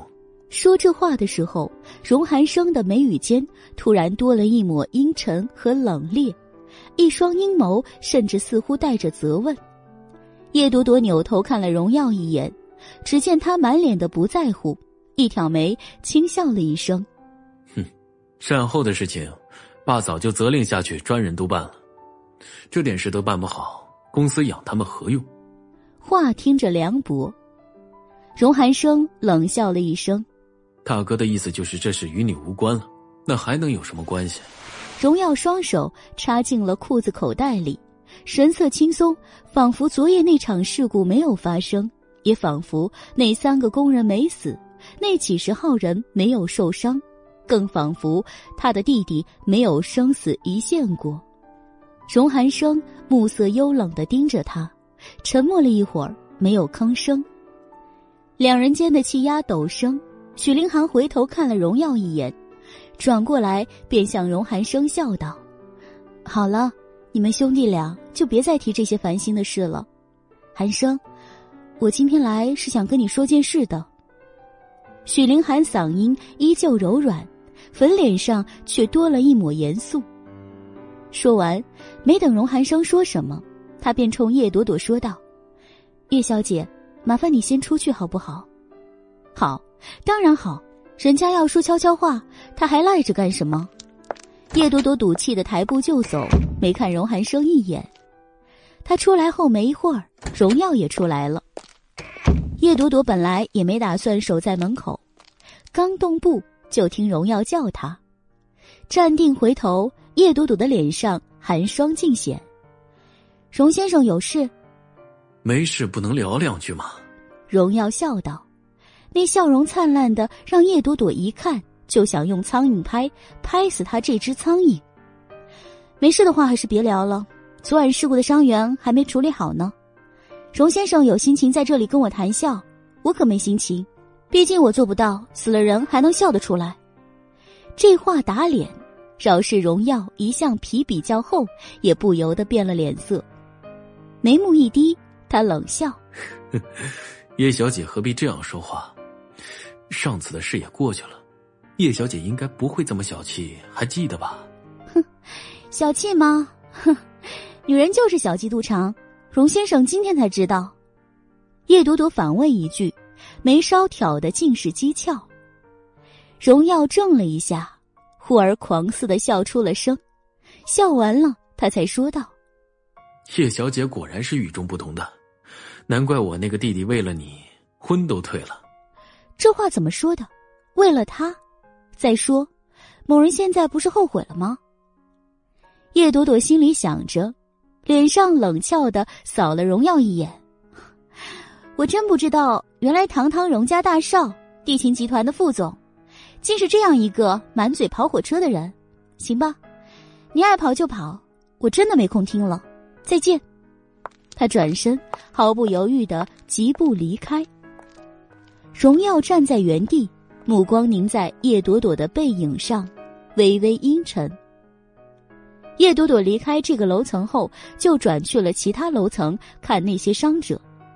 这里是 VIP 病房，只有荣寒生这样的人才能住，其他人都在普通病房，他就去了那里。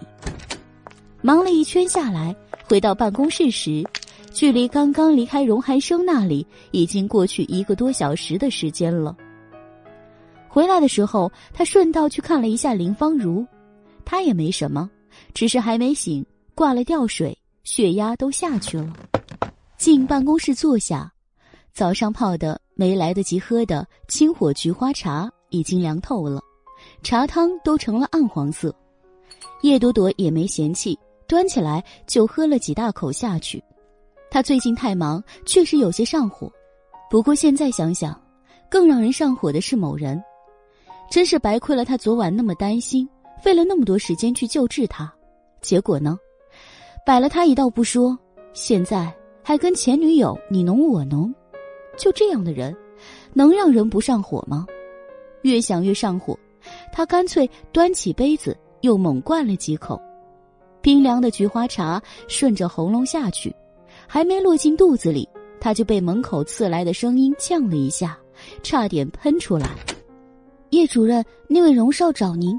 不去，吞了茶水，叶朵朵头也不回的果断回了一声：“他已经没事了，剩下来的护士护理就行了。他去干嘛？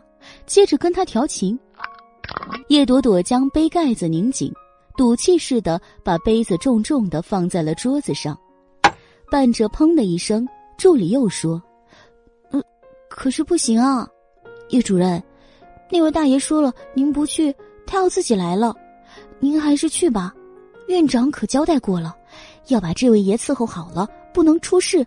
万一出点什么岔子，我们整个科室都要倒霉了。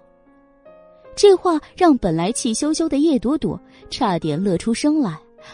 叶主任，小助理大概是真的怕被扣奖金，又催了一遍。叶朵朵被他缠得烦了，终于站了起来。好好好，我去，我去伺候那位大爷。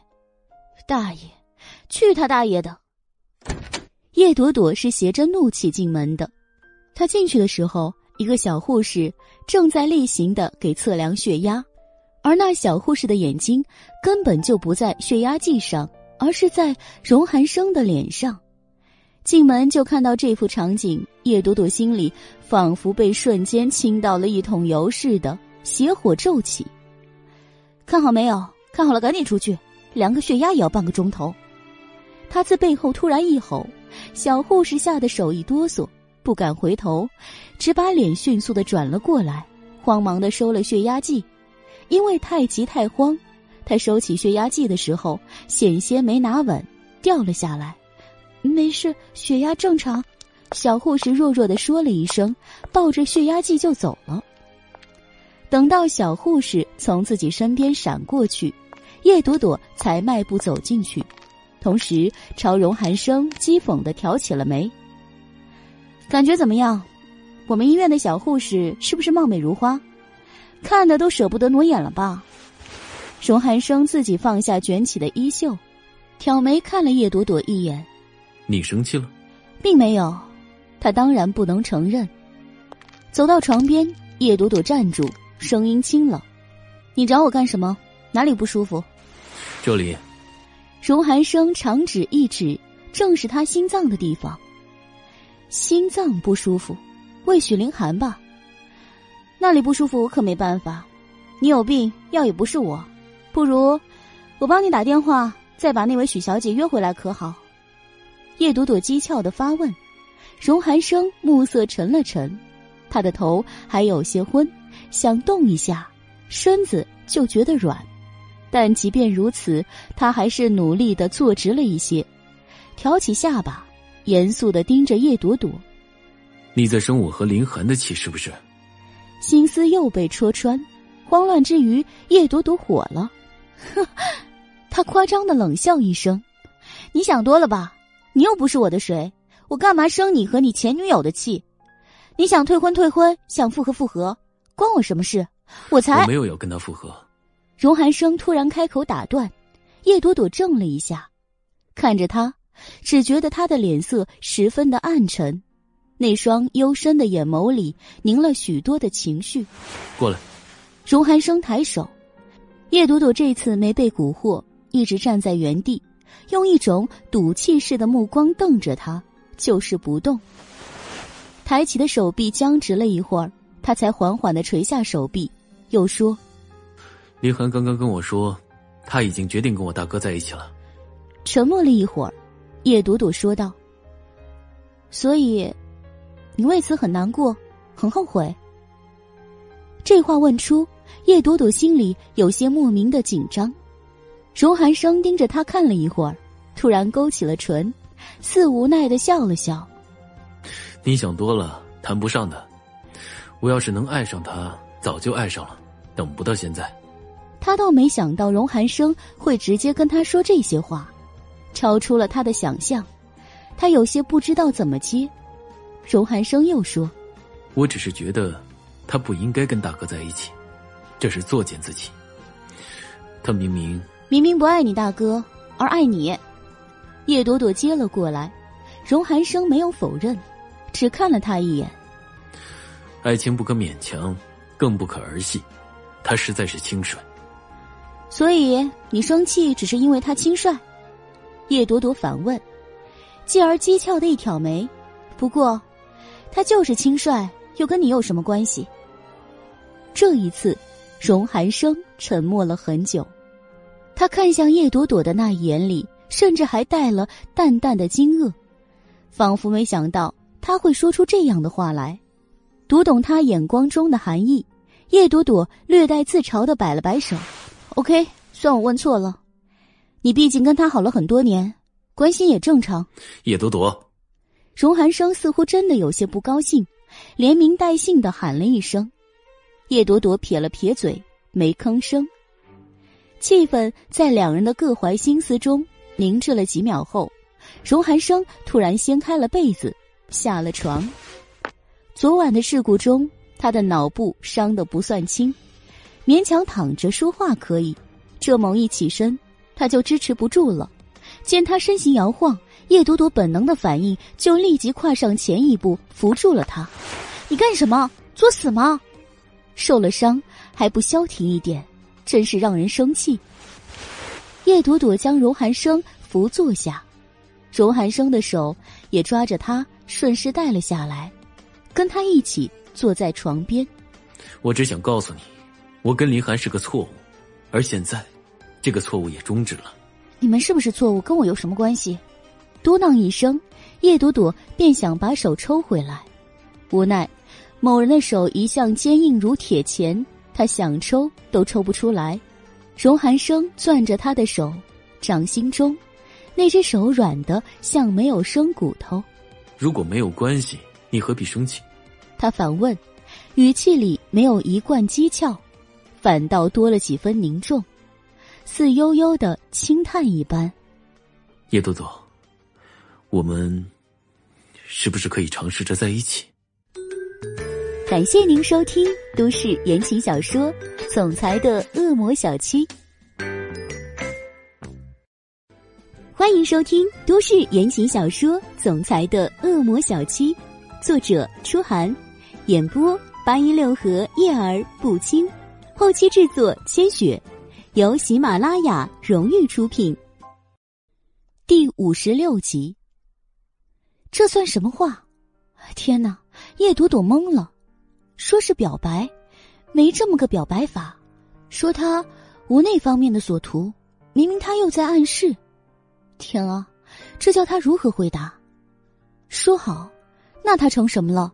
人家透点意思出来，他就顺杆子爬，那也太不矜持了。说不好，心里那个小人好像也不想这么说，纠结。不，还很生气。他凭什么可以把话说成这样？凭什么？嗯。还在走神的叶朵朵，被唇瓣上猛然附上来的温热吓了一跳。我有点喜欢跟你在一起，所以你是我的。不知为何，跟这个男人在一起的交流中，他时常会像现在这样，陷入彻底的懵逼状态中。喜欢就喜欢。还有点喜欢，也不是直接的喜欢你，而是有点喜欢跟你在一起，这意思也是够隐晦的了。不善于发散思维的人，就根本听不出来他有什么表白的意思。好吧，就算他这前半句是表白，那后半句又是什么鬼？他还没有答应，好不好？直接宣誓主权了？呵呵哒，荣寒生，你果然是霸道总裁。心里瞬间憋了一口气，叶朵朵扭过头，避开了荣寒生的吻。对不起，我不喜欢跟你在一起。如果你这算是对我表白的话，那抱歉了。其实我不能跟你产生共鸣。还有，你也知道，我还有儿子。麻烦你在头脑发热之前三思后行。别说我暂时对你没兴趣，就是有，大概也不行。我是个很传统的人，不以结婚为目的的交往都是耍流氓。那么。你那个尊贵的家庭能接受我这个带孩子的女人吗？考虑清楚再说，荣先生。叶朵朵一口气将心里的话全都吐露了出来。不过，这些话里前面有些是刻意说的，最后的一句才是重点。他们之间真的不是你情我愿就能在一起的这么简单。叶子熙虽然是荣寒生的无误，可这事听着太玄乎。到时候恐怕就是拿着 DNA 报告到荣若普和林芳如面前，他们都要认为那是他刻意伪造来骗人的，到时候必定又是一番鸡飞狗跳，那是他不喜欢的，或者说，也是他有点畏惧的。他喜欢简单的生活，就像在 Z 城那样，工作之余和叶子熙享受一下天伦，这样就很好了。对于荣寒生这个人。叶朵朵承认，他也确实有点动心，或者说喜欢，甚至这次事故之后，她还发现，这男人在她心目中的分量比她想象的要重。那时候见他被抬出来，她也真的撕心裂肺了好一阵，那种揪心、紧张、恐惧，他到现在都没忘。可这些并不足以让他现在头脑一热，答应荣寒生的表白。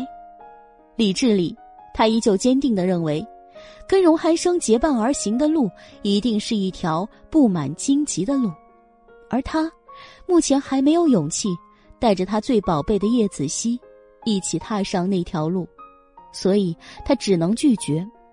不过拒绝了之后，心里还是有些不舒服，这也是人之常情。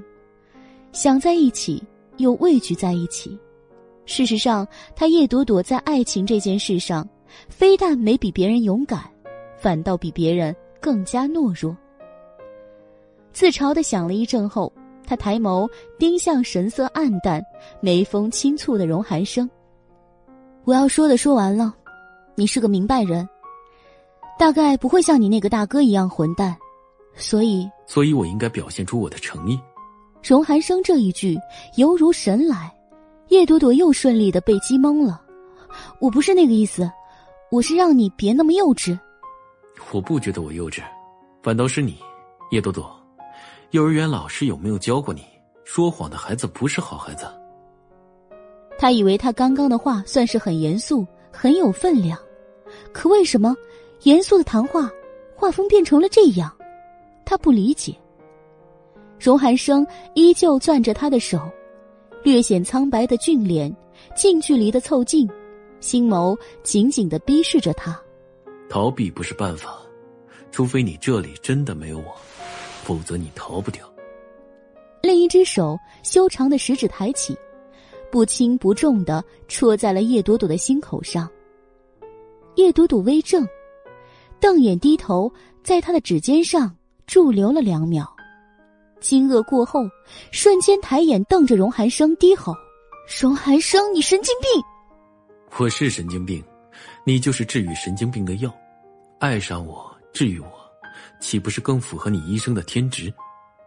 他轻笑，眸色潋滟如春光。叶朵朵最后是从荣寒生的病房里逃出来的。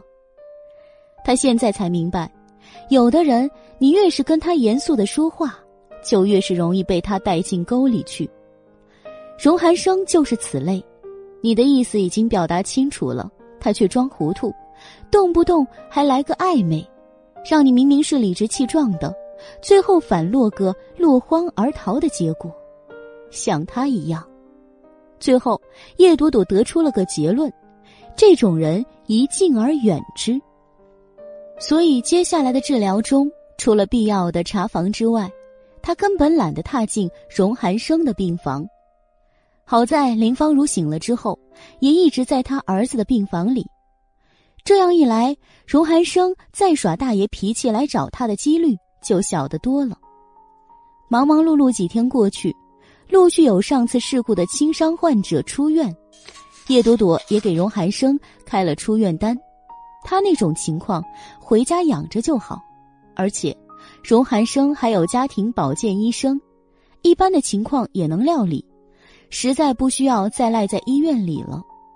就在叶朵朵开好了出院单，准备交给他的时候，陆景城来了。这回他不是来找他叶朵朵，而是来看望荣寒生的。不过说是看望，瞧那表情，叶朵朵也知道是有求而来。荣寒生在这里住院，外围都有荣家人看护，一般闲杂人等是进不了病房的，所以陆景城只能先来找他。叶朵朵对陆景城现在只剩下差评，自然不会让他如意。听了他的来意后，就淡淡说了一句：“我没有资格决定荣寒生见谁不见谁，给挡了回去。”陆景成见叶朵朵神色坚定，当下也就走了。可叶朵朵没想到，他从他这里离开之后，没有离开医院，反而是直接去闯了 VIP 病房那边。叶朵朵捏着荣寒生的出院单到病房的时候。陆锦成正在那里和走廊入口站岗的荣家保镖拉扯，因是医院，两个保镖动作也很克制，甚至对陆锦成还算礼貌客气。反倒是陆锦成，不知道吃错了什么药，非但不理会保镖的劝阻，反倒是扯着脖子往里面喊荣寒生的名字。一看到这幅场景，叶朵朵就皱了眉，看来陆锦成遇到的麻烦还不小。否则不会这样不管不顾在荣寒生还卧病在床的时候闯到这里来。他走过去的时候，另一个人也从病房里出来了，是林芳如。他一出来，脸就是阴的。什么事？怎么这么吵？他目光犀利的扫了两个保镖一眼后，落在了陆景城的脸上。你是谁？他不认识陆景城，冷硬的眉宇间写着明显的不欢迎。但是陆景城却没看见他这不欢迎一样，忙急切的说道：“您是荣夫人吧？荣夫人您好，我是陆景城，陆氏地产的。”陆氏地产，林芳如似不太熟悉这个名字，想了想后，才淡淡点头，嗯了一声：“嗯，听过。行了，你进来吧。韩生知道你找他，愿意见你。”这让陆景城一愣，也让随后而来听见这句话的叶朵朵一愣。他倒有闲心了，平时比较讨厌的人，现在都肯见了。正疑惑着，林芳如那两道锐利的目光就朝他劈了过来。叶医生，寒生也叫你。啊！叶朵朵又是一怔，还没等他说什么，林芳如就朝两个保镖挥了挥手，让开吧。保镖这才松开陆景城。陆景城大概急着见容寒生，也没顾得上回头看叶朵朵，直接奔了进去。陆景城从身边闪进去，林芳如才冲叶朵朵走了两步。去吧，寒生在等你。也不知道是不是觉得他这次救援有功，林芳如对他的态度缓和了一些。叶朵朵犹豫了一下才动步，他也没说什么，只看了林芳如一眼，就从他身边越了过来。到了病房门口，他就听见陆景城在问候荣寒生：“寒生。”你好点了没有？陆景城这副身形微弓、语气卑微的样子，让叶朵朵皱眉。第一次他们两个碰上的时候，他还觉得陆景城比他父亲叶明远有骨气，起码没流露出那种巴不得马上结交权贵的样子。可现在，好吧，物以类聚。很可惜，乔荣寒生的脸色，叶朵朵就知道陆景城踢到铁板了。陆总无需多礼，你是为陆氏贷款的事情而来的吧？既然来了，不妨直接谈。正好朵朵也在。朵朵，朵朵，他倒是自来熟的紧。叶朵朵皱眉，还想着前几天的事情，不自觉的就朝荣寒生翻了一记白眼。接受到他这记白眼的荣寒生没跟他说什么，只薄唇微微一扬，似笑又不太看得出笑容的看了他一会儿。他的目光尚未收回，陆景城也回头看向了叶朵朵。朵朵，真的是你？你非要逼死我，你才开心吗？这话听着是谴责，可他的表情却很沉痛幽怨。叶朵朵一阵莫名其妙，冷眼扫向他。我不知道你们在说什么。语毕，转向荣寒生，一样没什么温度的目光对着他。荣寒生，你说清楚。什么陆氏贷款的事，跟我有什么关系？陆景城见他看向荣寒生，也把脸转了过去，看向了靠坐在病床上的荣寒生。荣寒生沉默了一会儿，目光清扫过叶朵朵有些生气的小脸，最后看向陆景城。陆总想多了，自始至终，你们陆家的事情跟朵朵都没有关系。陆总也知道。前段时间网络上那些事，如果说非得有人为你们陆家的情况负责的话，陆总还是去问陆夫人的好。他既然敢在网上散布我的谣言，就要做好准备承担我的反击。陆总觉得这有什么不妥的吗？他的话让陆景城的脸瞬间面如死灰。我知道叶青言得罪了你，可，可是，一点小事。早已经压下去了，您何必把事情做绝？哼，做绝。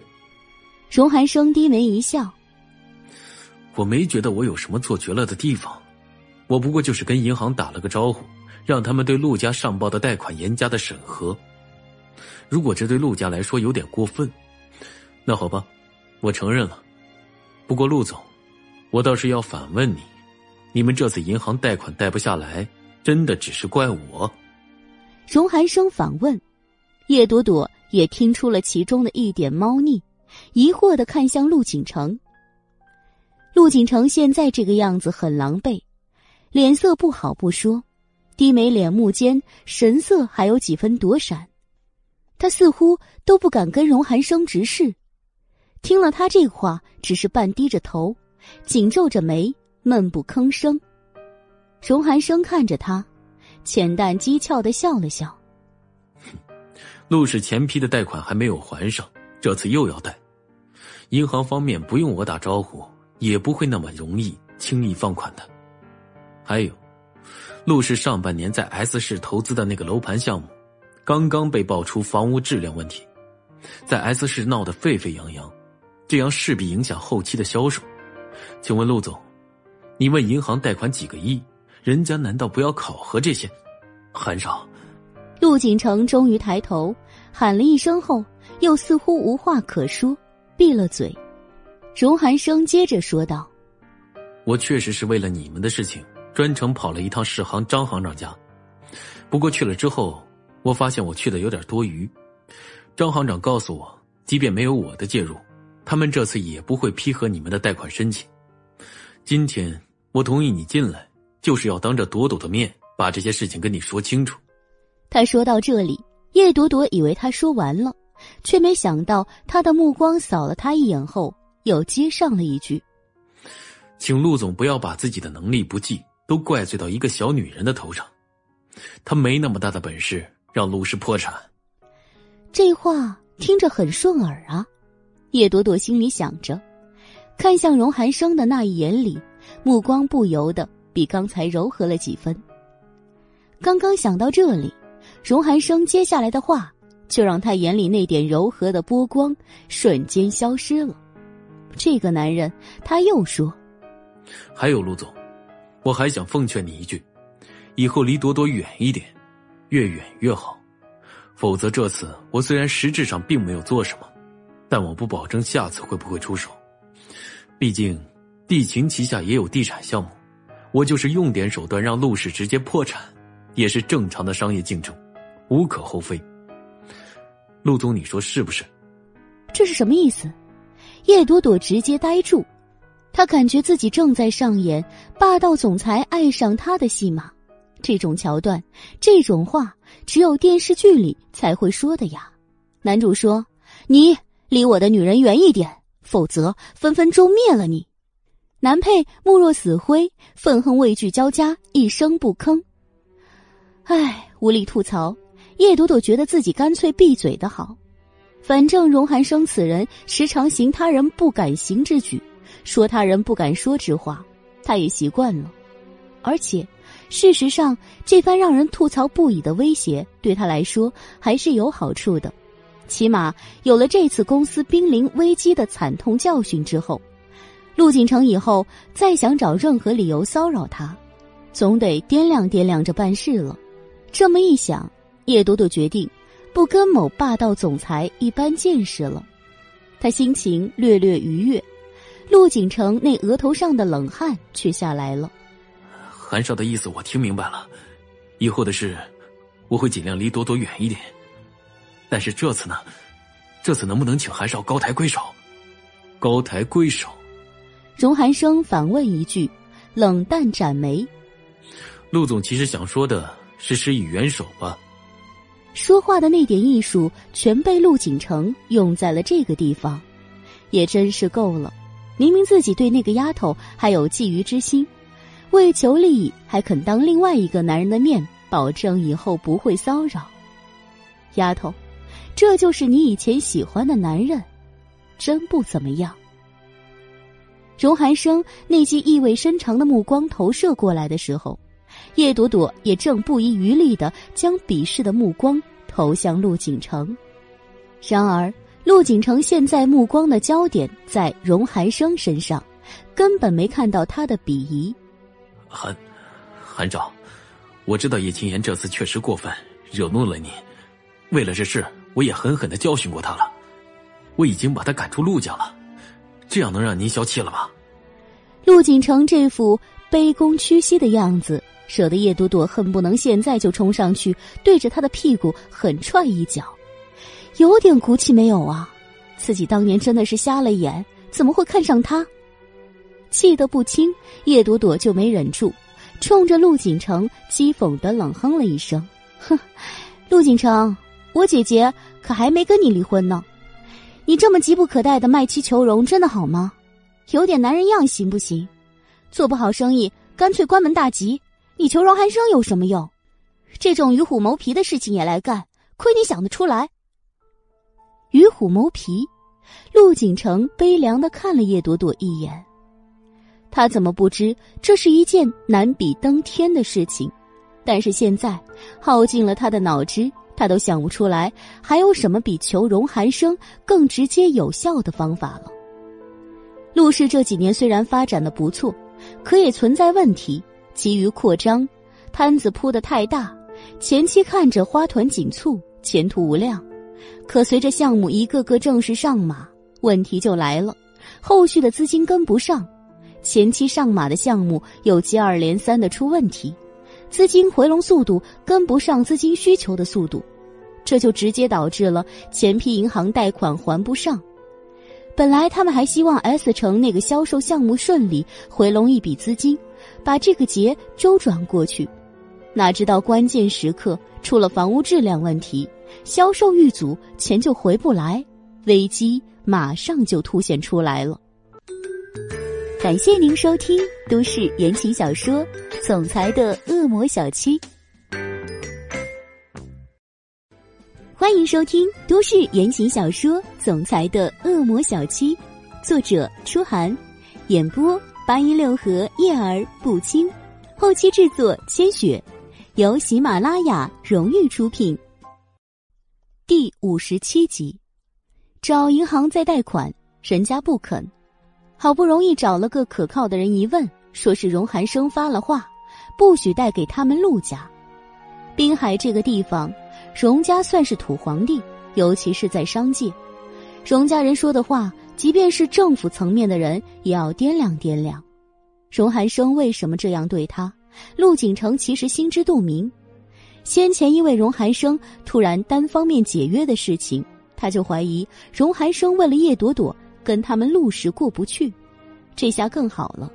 叶青言直接搞出那些事，戳了荣寒生的逆鳞，这就更给了他下手的机会。而且这次，人家有正当理由，就是说理都没地方说，谁让你们先招惹人家的？但是他陆景成又有什么办法？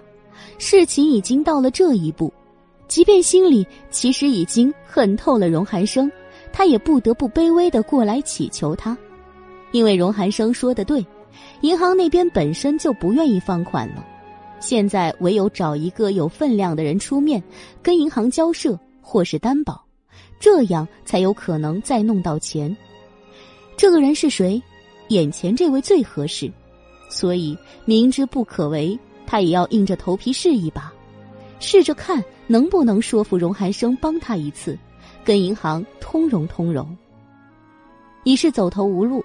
陆景成也顾不得叶朵朵的挖苦，迎着荣寒生讥诮含笑的眸光，又神态卑微的说道：“韩少，我也知道现在的情况，我请您施以援手的话有点过分，但这其实也不用您做什么，只要您跟银行那边通融通融，我这边再找找人，想必他们也就能放款了。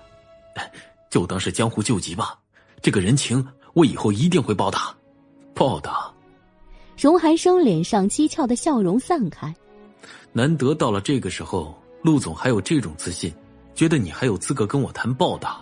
诚然，陆景成是没有这个资格的，不只是现在这种情况，即便是从前他也没有，因为他给不出荣寒生能看得上眼的利益。陆景成面色煞白如纸，张嘴想说什么，又没说出口，僵在了那里。气氛凝滞了几秒，实在看不过眼的叶朵朵眉心一皱，冲陆景成下了逐客令：“行了，陆总，你该说的也说完了，荣寒生该回答的也回答完了，你要是没什么不理解的，就请后转出门吧。病人需要休息，容不得打扰。他盯着陆景城，见陆景城不死心的就是不动，脸又阴沉了几度。陆总，荣家的人就在门外，要我喊人进来吗？陆景城这才扭头，那一眼里满满都是复杂的情绪。朵朵，你真的这么绝情？他低喃，声音不高，却还是清晰的传进了叶朵朵的耳朵里，当然也落进了荣寒生的耳朵里。陆总这话听着可笑，看来是我孤陋寡闻了，我竟然不知道朵朵什么时候对你有情过。荣寒生眸色阴郁，唇边虽然挑着笑，可那笑寒凉到骨子里，让人一看就觉得透心凉。叶朵朵本就对陆景城这句话反感至极，听荣寒生这么说，立即朝荣寒生看了一眼。你是孤陋寡闻了。连我自己都孤陋寡闻了，我也不记得我什么时候对这位陆总有过什么情了。毕竟他可是我的姐夫，是吧，姐夫？他转向陆景城，喊出这一句。陆景城深锁着眉头，面色如灰，半天说不出一个字来。盯着眼前这个男人，叶朵朵实在是烦躁，牙关一咬，索性过来扯住陆景城的胳膊。把他拽了出去，拽出去之后，叶朵朵自己退了回来，砰的一声关上了门。他那被陆景城挑起的怒气和烦躁犹未消除，面向荣寒生，他的脸色也是不善。给你，他从白大褂口袋里捏出出院单，你已经没事了，可以出院，让他们去办手续吧，马上就可以走。荣寒生没说话。长指捏起那张薄薄的纸，俊眸轻扫了一眼，然后就轻巧的丢了它，任由它飘在了自己的面前。我不出院。叶朵朵愣了一下，瞪眼深感莫名其妙的盯着他。你已经没有任何问题了，还想赖在医院？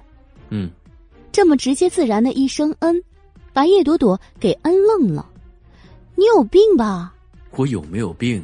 有什么病，你最清楚。荣寒生笑答，神清气爽的模样，跟刚才对着陆景城的样子截然不同。叶朵朵又一次成功的被气着了，眉心一皱，瞪着他上前从他的床上捡起了那张出院单。我去跟荣夫人说，我就不信了，儿子有病想赖在医院，当妈的也同意。那你随意。荣寒生竟然还在笑。笑的叶朵朵连看他一眼都觉得多余，转身抬步，正准备去找林芳如，胳膊又被某个有病的人拽住。听我说，荣寒生开口，语气较之刚才多了几分严肃。他五指扣得极紧，指尖就捏在他的脉搏上，捏得他手心一麻。说，叶朵朵回头颇有些不耐烦。荣寒生倒是好脾气，薄唇竟还抿了抿，略带着笑意说道：“算你帮我吧，让我多住几天，我还有事要办，现在回去不合适。”有事要办，叶朵朵糊涂了。有事要办，你还不赶紧出去办事？赖在这里算怎么回事？不，我要办的事情躺在这里就能办，但是我不能出去，懂吗？不懂。叶朵朵毫不遮掩自己的懵逼，爽快的答了一句。瞧着他水眸圆瞪，似嗔又似懵的样子，荣寒生莫名的心情大好，手上一用力，他索性将他拽了过来，手一松，突然又抬起捏住他翘挺的鼻尖儿。你不需要太懂，总之你记住，我现在更适合待在这里就行了。鼻子被捏得换不过气来。叶朵朵烦躁的挥开了他的手，揉了揉自己的鼻子。我觉得你更适合待在寺院，精神病人的专属医院，当然更适合他。叶朵朵想着，荣寒生听出了他的讥讽，却又是一笑：“行啊，除非你在那儿。”哼，得了，他就知道跟他斗嘴没好处，每次还是忍不住，自作孽不可活。就是他这样的，你爱呆呆吧，我还有事，走了。他转身走得贼快。荣寒生气定神闲的靠在床上，眉目轻松的看着叶朵朵离去的背影，直到那抹纤小的背影消失不见，他才收了脸上的轻松表情，眉宇间凝出一抹严肃，拿起了床头的手机。陆景城这件事过去后，荣寒生真的如他自己所说，在这里又安心的住了下来。就这样住到第四天的时候。叶朵朵终于知道了他为什么要住在这里，不愿出院了，因为地勤又出了一件大事，更确切的说，是荣耀出了件大事，而且是件不好的事，算得上是件丑闻。原来这次他方这个项目先前是荣耀力主上马的，荣耀为什么力主这个项目上马呢？说起来听着可笑，原因竟是这个子公司的经理。为了能推进这个项目通过董事会的审核，竟暗中给荣耀送去了个尤物。荣耀那种见漂亮女人就走不动的男人，被尤物的枕边风吹了几天，马上耳根子就软了。反正就是一个项目，他又不用自己去操作，只不过动动嘴皮子而已，有什么不能答应的呢？于是，这个项目就这么上马了。而相反。在项目审核的时候，荣寒生就提出了异议，甚至给出了这里的地质分析报告，明说了这里的土壤质地松软，不合适建地下项目。但因为荣耀积极怂恿，荣寒生的反对没被采纳。这样一来，一个本来就有潜在危机的项目就稀里糊涂的上马了。如今出了这样重大的事故，这些密文被翻出。荣耀的境况可见一斑。看着这个新闻的时候，叶朵朵就不由得将这件事的幕后主使这个帽子扣在了荣寒生头上。运筹帷幄，决胜千里，就是他这个样子的。虽然荣寒生完全没有承认此事跟他有关，但叶朵朵认定就是他干的。这件事上，他可算是吃了荣耀一个大亏，不找补回来。实在不符合他那种睚眦必报的性格。还有，若不是将这件丑闻翻出，在公众眼里，他是这个项目的负责人，也是这件事的负责人，所有的舆论都会指向他，这对他可太不利了。如此一来，妙极，荣耀的丑闻成就了他临危受命的好形象，在事故中受伤，又赢得了跟工人共同进退的好口碑。如今的他，只要躺在这个 VIP 病房好好休养，就能收取各方好评，而把外面那个烂摊子都丢给荣耀去处理，此举不可谓不高明。以上这些都是叶朵朵自己想的，她也没去跟荣寒生求证。而这几天，荣寒生说是继续住院，其实人也没闲着，他好几次过去查房，都见他捧着电脑在处理公务。让叶朵朵奇怪的是，从出事到现在，他没看到伊森，也不知道他被荣寒生派到哪里去了。伊森的去向，叶朵朵当然没有心思多琢磨。医院的事情够多，荣寒生那家伙还在这里，时不时就来骚扰他，他哪还有心思琢磨其他？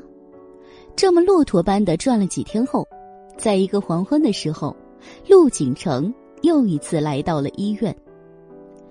这次他不是一个人，也不是又来找荣寒生，而是陆家出事了。这个事儿还跟叶家有点关系。说起来也是梁芬惹的事。这一天，梁芬去参加一个宴会，也巧了，陆景城的母亲也去了。一言不合，两人就争了起来。这一争，梁芬就当众把陆景城劈腿找小三儿的事情骂了出来。这下好了，一时激起千层浪，整个宴会都炸锅了。所有人都在看两位贵妇上演撕逼大战，结果梁芬不但口头上胜出，更在身体上胜出，因为陆母被他气倒了，当时就送了最近的医院。原本众人都没觉得事情有什么问题，哪知送到那个医院之后，院方就下了病危通知，同时建议转院来仁华，因为这里的医疗水平更高。一番周折，人是送来了，可人刚进急救室，医生一看就说已经不行了。对陆家来说，这个消息简直是晴天霹雳。当时陆父也是几近昏厥。陆家发生这种事情的时候，叶朵朵并不在场。他知道这件事是后来的事情，知道陆母出事之后，他去看过一眼，其中有陆母的朋友认出了他，拽着他把梁芬和陆母争吵的事情说了一遍，最后好言劝他暂时躲躲。听了原委之后，叶朵朵也知道应该躲一躲，正好他也下班了，索性就离开了医院。几乎是刚出医院，他就接到了梁芬的电话。梁芬就是来问陆母情况的。听见陆母的死讯后，梁芬大概是被吓住了，电话那头半天没动静。最后，梁芬让他回去。梁芬的声音焦急，还有点颤抖。叶朵朵刚好也打算回去，也就顺势答应了下来。到了家，父亲和梁芬还有叶青言都在客厅，三人面色都很阴沉，分坐三方都没说话。见叶朵朵进门，梁芬就站了起来，焦急的问道：“那个女人真死了？”那个女人，叶朵朵皱眉：“陆伯母真的去世了。”阿姨，你还想问什么？我，梁芬被噎了一下，目光收回。他死了，也不能怪我呀，是他先对我无礼的，只不过争了几句，他就那么不经事，自己就死了，怎么能怪我？不怪他，确实不是他亲手杀死的，但人家总因为他而死吧。这个时候了，能有点同情心吗？叶朵朵有点烦躁，看梁芬这副样子，看了叶明远一眼，便说道：“爸，我今天有点累了，先上楼了。”哎，等下。叶明远立即把话接了下来，他也没站起来，就坐在那儿，朝身边的空位置看了一眼。朵朵，过来坐，爸爸有话跟你说。这个节骨眼上。不知道又谈什么，叶朵朵心烦，却不得不乖顺的走过去。他也没坐在叶明远刚刚指示的那个地方，而是远远的坐在了沙发另一侧。爸，你想说什么？他问，同时看见梁芬也坐了下来，还朝叶明远使了眼色。叶明远看看叶朵朵，眉宇轻蹙，面色凝重。沉默了一会儿，他才说道：“呃，朵朵，你陆伯父这件事，爸爸想听听你的意见。”我的意见？叶朵朵一愣，本已懒得转的脑子瞬间高速运作起来。这件事需要什么意见？还需要他提出什么意见？父亲这是什么意思？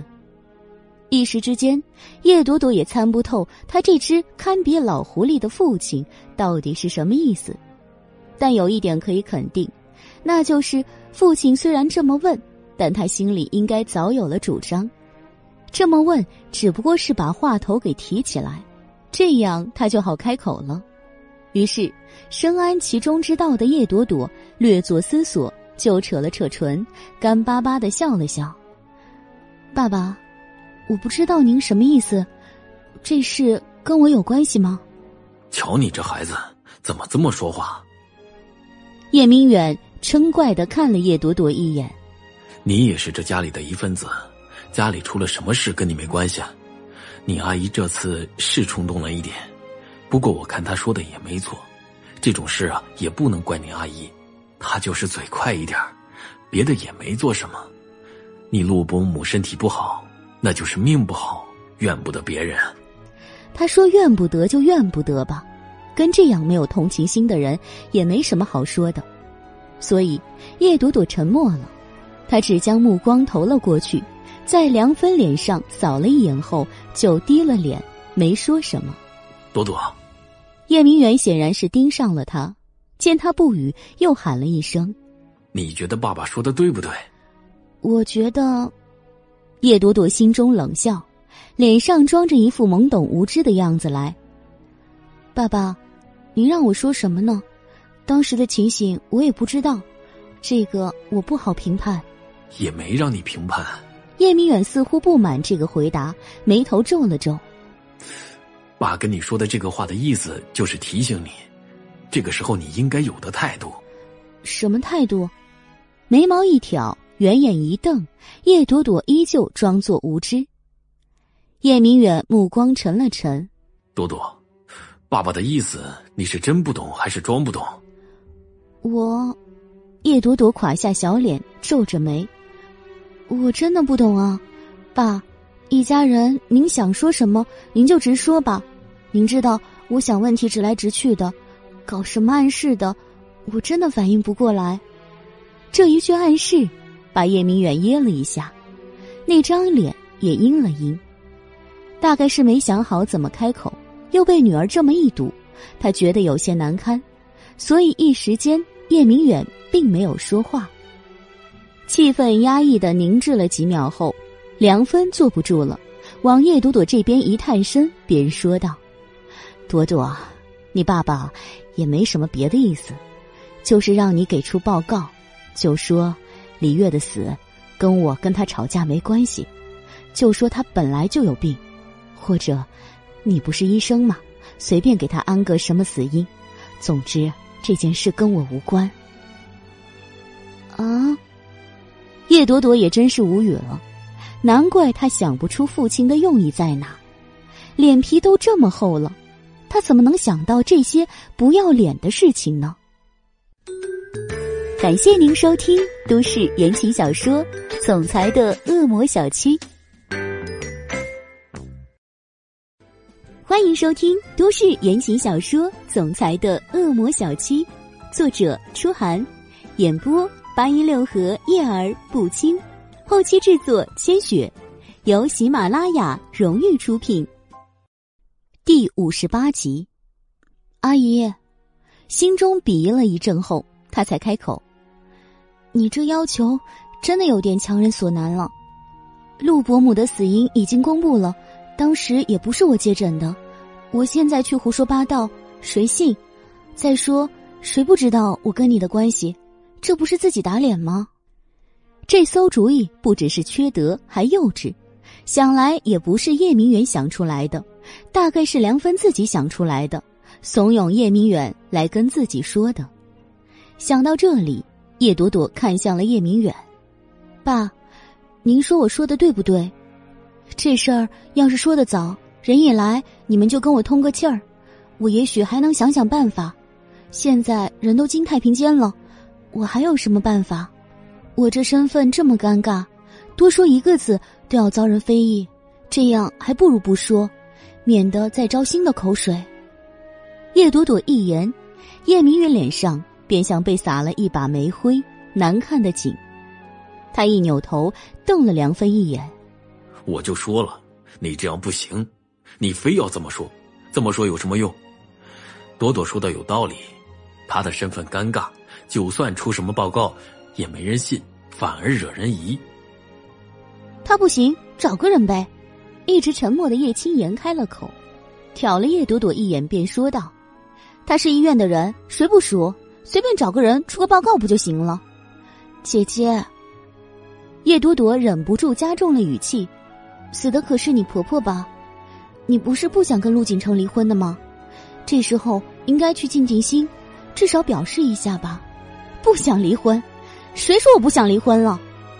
叶青言突然反击了一句，叶朵朵怔了一下：“你又改主意了？”他的语气颇为讥诮。叶青言看他一眼，冷哼道：“哼，陆家现在离破产都不远了，他非要跟我离的话就离吧。再过段时间，真要是回声无望，他不跟我离，我也要跟他离。谁愿意守着个破产的公司？”提到这话。叶明远那脸色就更加难看了。本来还想靠一把，没想到陆氏竟是这样一个空壳。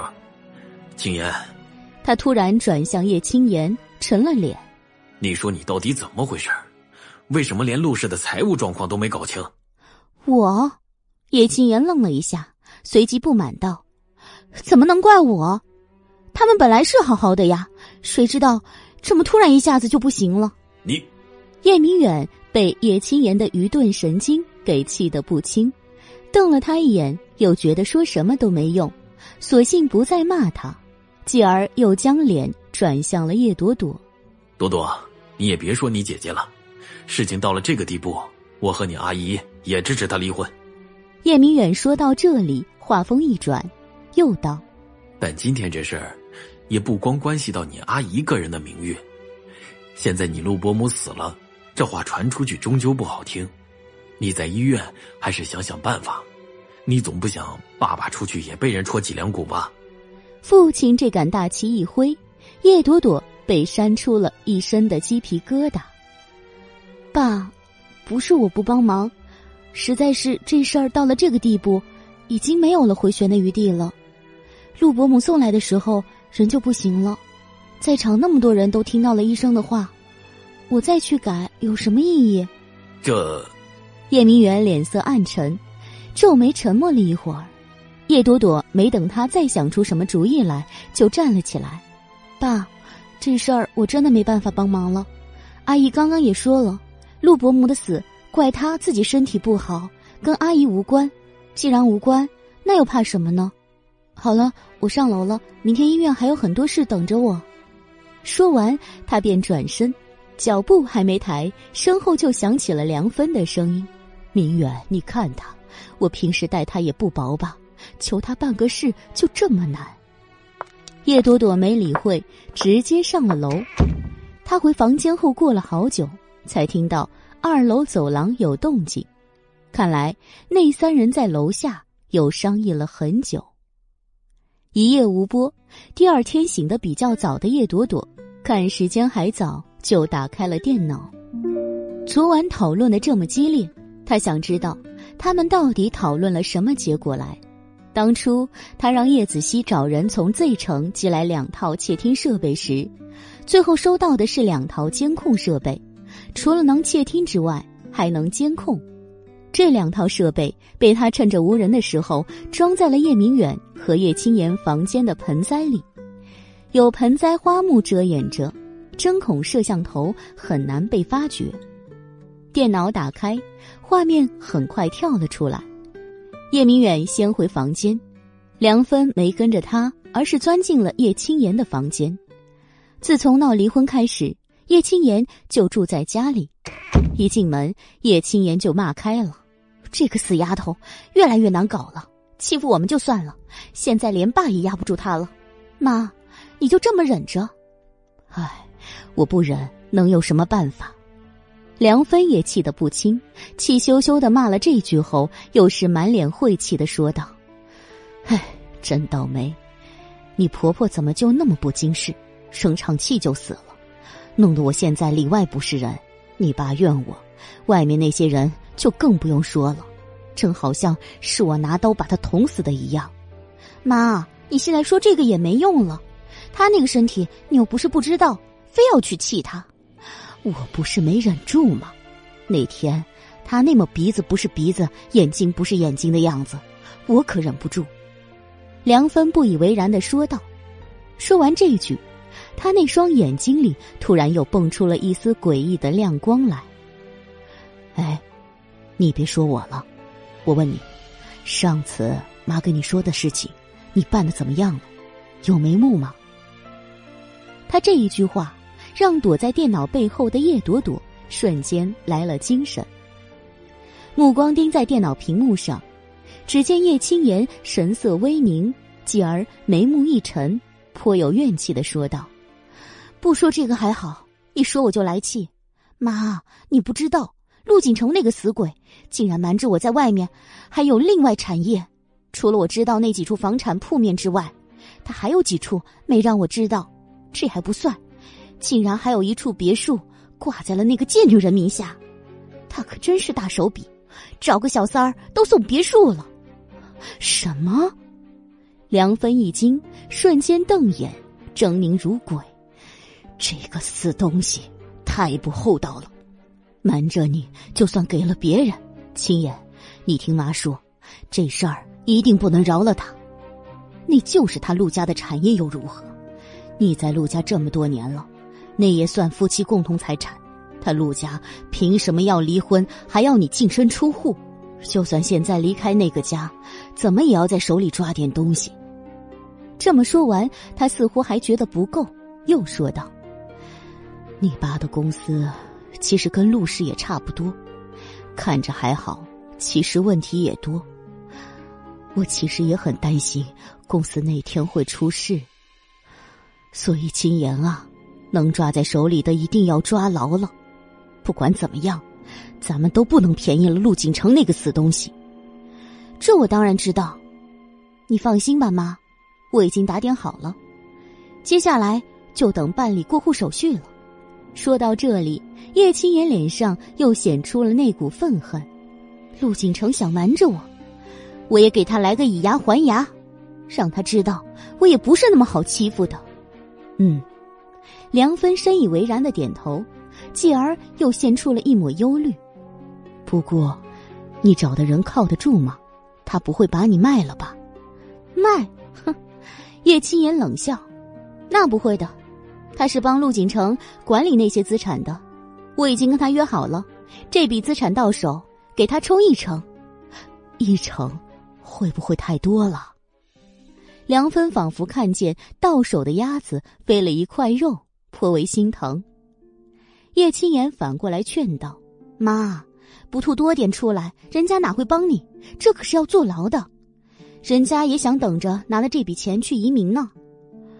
嗯，也是。梁芬点头。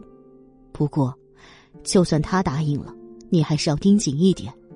陆家现在窟窿那么大，万一陆景成顶不住，要变卖这些资产了，你都还没弄到手，这些可就飞了。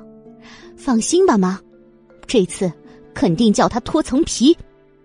叶青言狠狠的说道。这个话题告一段落，两人又转回到了陆母的死上，反反复复的都是对他的咒骂。叶朵朵听了两句就烦了，关了视频，他坐在电脑前，琢磨起了刚刚那母女的对话。这叶青言也够狠的，这种事都做得出。不过也是，这样一来，到时候就算陆景成知道。再想从叶青言手里夺走这些也难，即便被查出诉诸法律，走正常的法律途径，作为合法妻子，他也能分一笔出来。这可比现在陆家一毛不拔、抵死不给他强。虽然陆家不似荣家那般富甲一方、贵气逼人，但是好歹也算是中等富豪，这一部分的私人财产也不会少。到时候他叶青言也算得上是满载而归了。叶朵朵冷笑，只觉得这对母女在钻营金钱利益方面，那天分真是无人可比的。不过自己要不要好好利用这一点呢？总不能让叶青言真的把那些资产弄到手吧？那也太便宜他了。虽有这个念头，叶朵朵却没有实际的计划，只是暂时想想。静待这件事的后续发展。这一天离开叶家后，叶朵朵就没再回去住。陆家事情还没完，她怕被叶明远和梁芬吵得头疼，所以下班后就直接回了自己的小公寓。陆母事后的第四天，她刚到医院就被荣寒生给叫去了。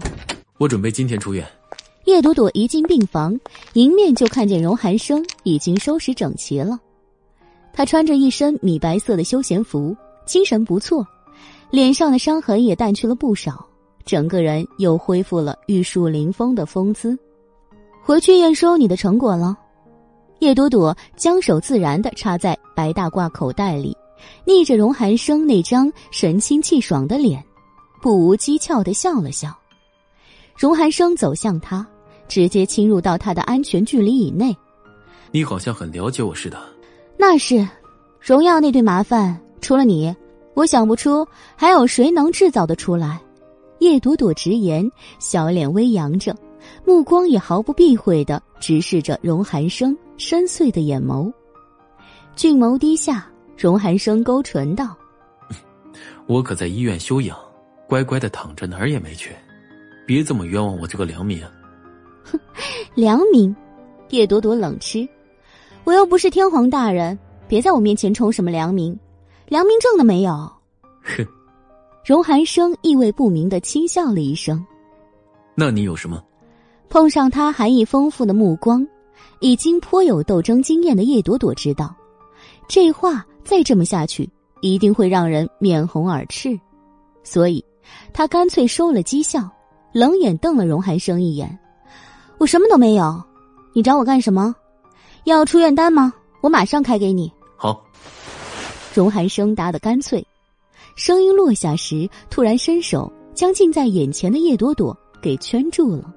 腰间一紧，突然跌入某人怀中的叶朵朵，内心也是崩溃的。荣寒生，这是医院，病房门都开着，你要发情也麻烦你换个地儿行吗？你在提醒我应该先关门。荣寒生笑道，神色暧昧。叶朵朵皱眉，盯着荣寒生的脸，想了一下，抬手就在他的胳膊上狠狠拧了一把。放开，有事说事，没事滚。我有事，手臂吃痛，荣寒生的手臂也没松，薄唇边也依旧挑着一抹若有似无的轻笑。他这副样子让叶朵朵都魔怔了。刚认识荣寒生的时候，没觉得他这么爱笑啊，现在是怎么了？吃了开心果？什么事？过两天你就知道了。荣寒生，你找抽是不是？不是，我是认真的。荣寒生倒是严肃了，叶朵朵烦躁的皱紧眉毛，盯着他，到底要出什么幺蛾子？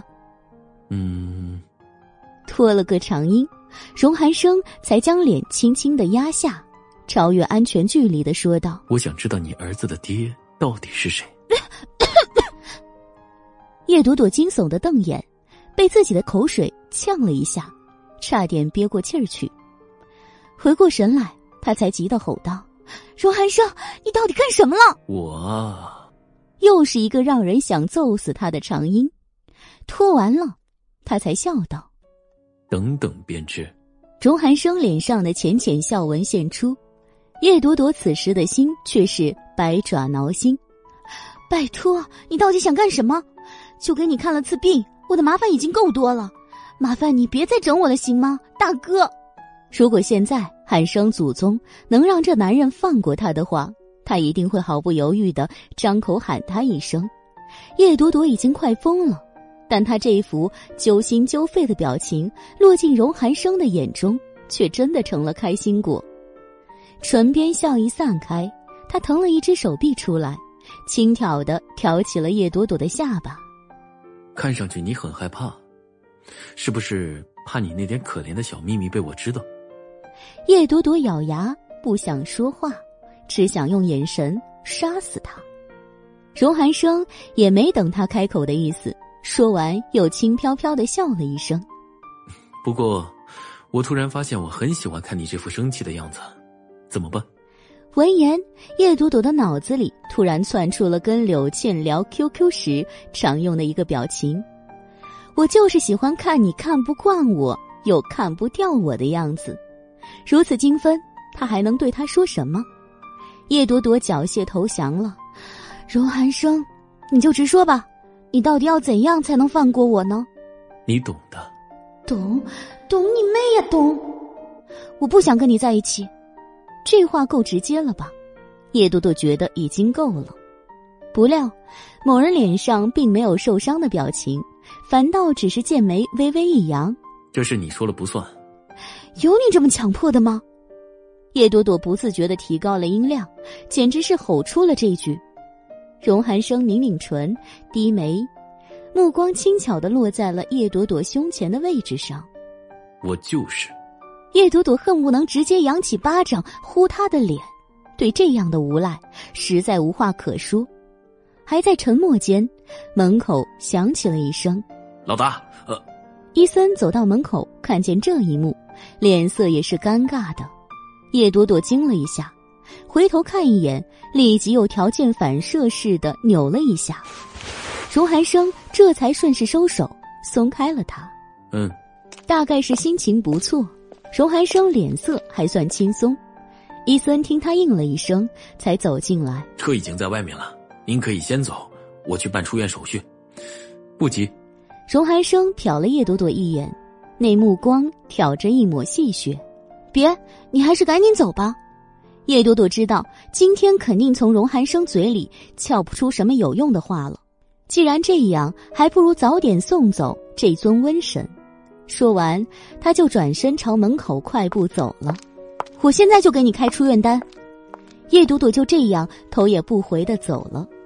荣寒生带他出门后，才轻笑了一声。感谢您收听都市言情小说《总裁的恶魔小七》，欢迎收听都市言情小说《总裁的恶魔小七》，作者：初寒，演播：八一六合叶儿不轻。后期制作：千雪，由喜马拉雅荣誉出品。第五十九集，目光转回看向伊森，他的笑容敛去了一些。东西送去了，是的，那边说没那么快，要几天时间。嗯，荣寒生淡淡回应，侧眸扫了那张自己睡了十来天的病床，他的眼里忽而闪过了一抹幽光。那就走吧，是该出去看看了。他离开病房，伊森随后叫人拿了他的东西，自己去了叶朵朵的办公室拿了出院单。办完手续出来，坐进驾驶室，伊森回头看了看荣寒生，见他情绪尚好，他才说道：“老大，还有个消息，不知道有没有用？什么？是大少爷的事儿。之前您不是交代过要注意的动向吗？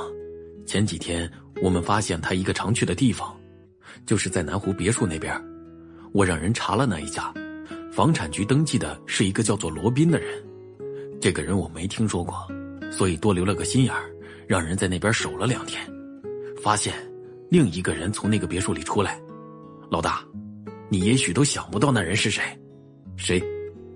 荣寒生语声骤寒，眼眸中迸射猎鹰般的光芒，是莫西阳，莫西阳。荣寒生似颇为意外，微微蹙眉，想了一下，才说道：“是 M A 财团那个莫西阳吗？就是他，是他。”荣寒生脸色渐渐暗沉，大哥怎么会和他在一起？老大，伊森开口：“你说大少爷不会也染指了那种生意吧？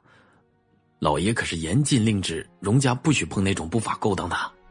”M A 是境外财团。去年才在滨海设立公司，对于这家财团的底细，荣寒生并不陌生。这家财团明面上公布出来的资产规模并不庞大，不足地勤的五分之一。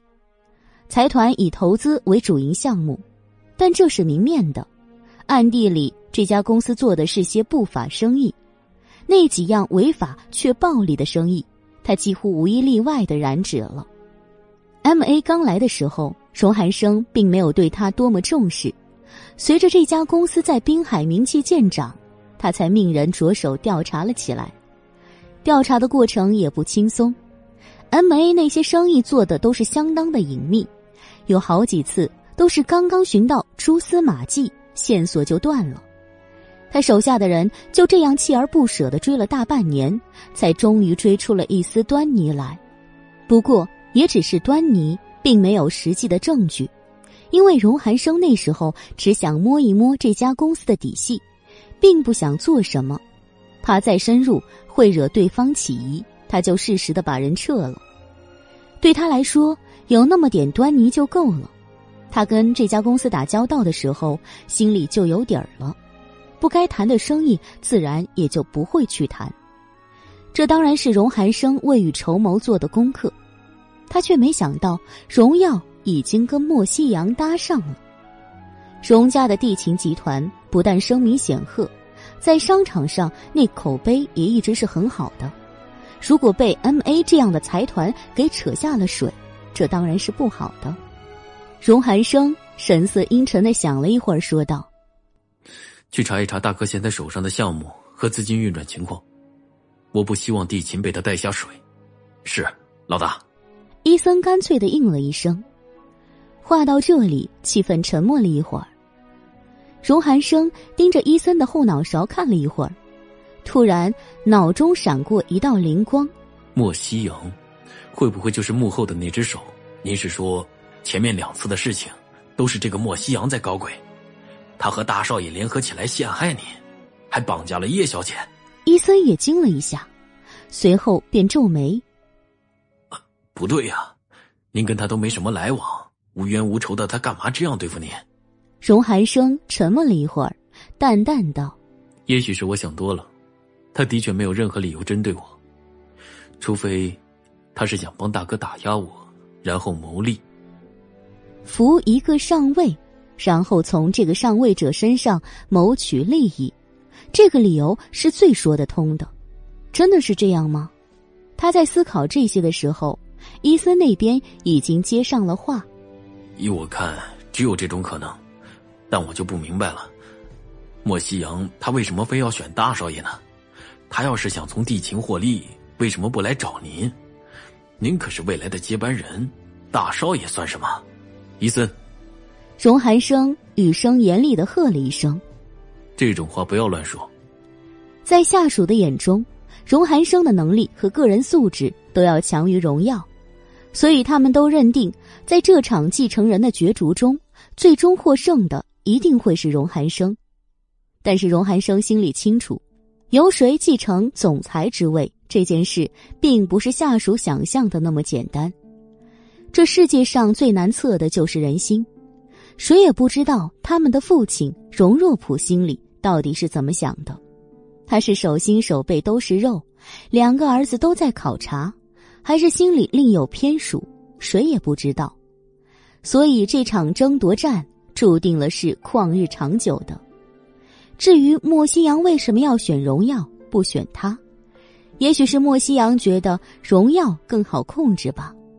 可是不知为何，荣寒生又觉得。这件事没有这么简单，那种感觉说不上来，只是心中隐隐有些不安，仿佛还有许多事是自己预料不到的。一路沉默，再无多言。应林芳如的要求，他直接回来大宅。荣寒生刚踏进家门的时候，荣耀的车也再一次的停在了南湖别墅那边。一踏进别墅区西南角那栋别墅，他便急匆匆的往里面走去。进了主屋，扫了一眼，没有看到他要找的人，他扭头便冲门口笔直挺立、神色肃然的保镖吼了一嗓子：“莫西阳呢？在哪儿？”“先生在书房练字。”“荣大少，请小点声。”保镖脸色冷沉。荣耀知道，这里的人一贯这副死样子，也没跟他计较。直接奔向了二楼，二楼右手边，一踏进那间装修风格古朴典雅的书房，荣耀又忍不住扯开了嗓子：“莫西阳，你搞什么鬼？又叫我来？我这几天忙得团团转，你不知道？知道。”坐姿端正的莫西阳搁了笔，抬眼冷静的看向他。但是我看你这样没有章法的乱忙，实在是着急啊。听他一言，荣耀立即不高兴了。你什么意思？你觉得我做的有什么不对？跟媒体交涉，尽力抚恤塌方事故中的伤亡死者家属，这都是危机公关的套路。他不知道他有什么地方做的不对。荣耀气愤的盯着莫西阳，莫西阳却还是那副冷淡的表情。他的双手食指交叉撑在书桌上。听荣耀说完，便说道：“ 你没有什么不对的，只是这些都没做到点子上。”荣耀皱了皱眉：“你想说什么就直接说，别他妈的装神弄鬼。”最近几天他情绪烦躁，张口就带了脏话。莫西阳也没理会这句不恭敬的话，盯着他看了一会儿，才对他说了自己的想法。工地出了这样的事故，你现在最要紧的不是去处理善后工作，而是想想该怎么挽回你父亲的心。死几个人没什么，可你一旦失去了你父亲的心，这场仗你已经输了一半了。莫西阳目光灼灼，逼视着荣耀，让荣耀不由得出了一身冷汗。瞧他这副样子，莫西阳不免讥诮的勾了唇。荣少，可别告诉我，你父亲荣若普没有因为这件事责怪你办事不力。闻言，荣耀脸上显出了尴尬之色。荣若普岂只是责怪他办事不力，这一次他父亲的怒气可大了。那事刚爆料出来的时候，他还像荣寒生一样也罚了跪，挨了打。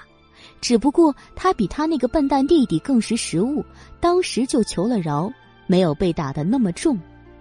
一想到这里，荣耀还觉得背上疼，脸一沉，他便忍不住咒骂了一声：“要让我知道谁在背后阴我，我非抽了他的筋不可！”呵呵。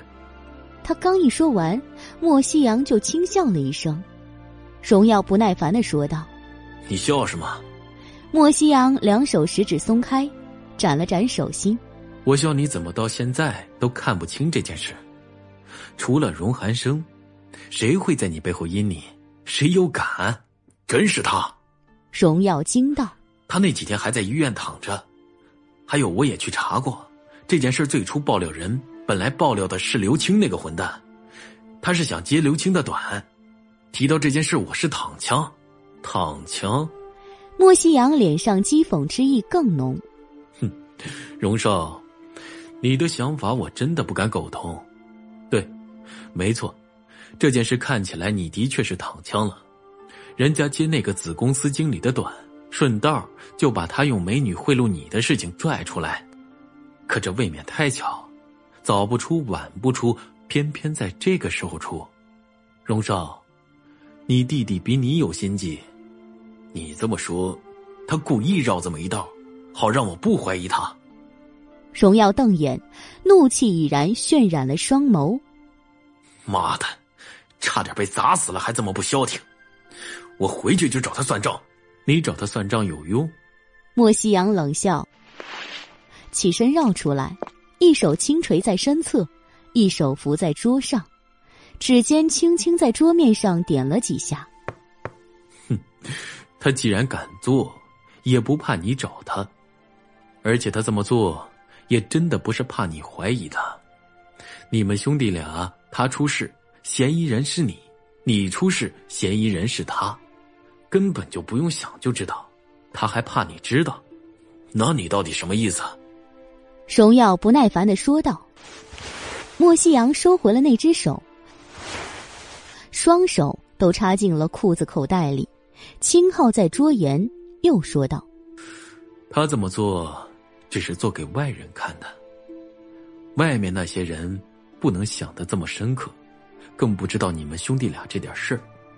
他们看了这样的报道，就会把荣寒生的嫌疑撇尽，不会怀疑到他头上去。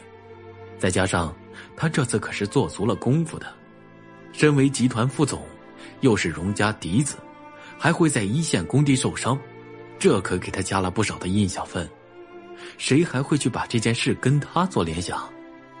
所以，他荣寒生这次虽然死里逃生，可也算是收获了不少口碑。这么算，他其实不亏。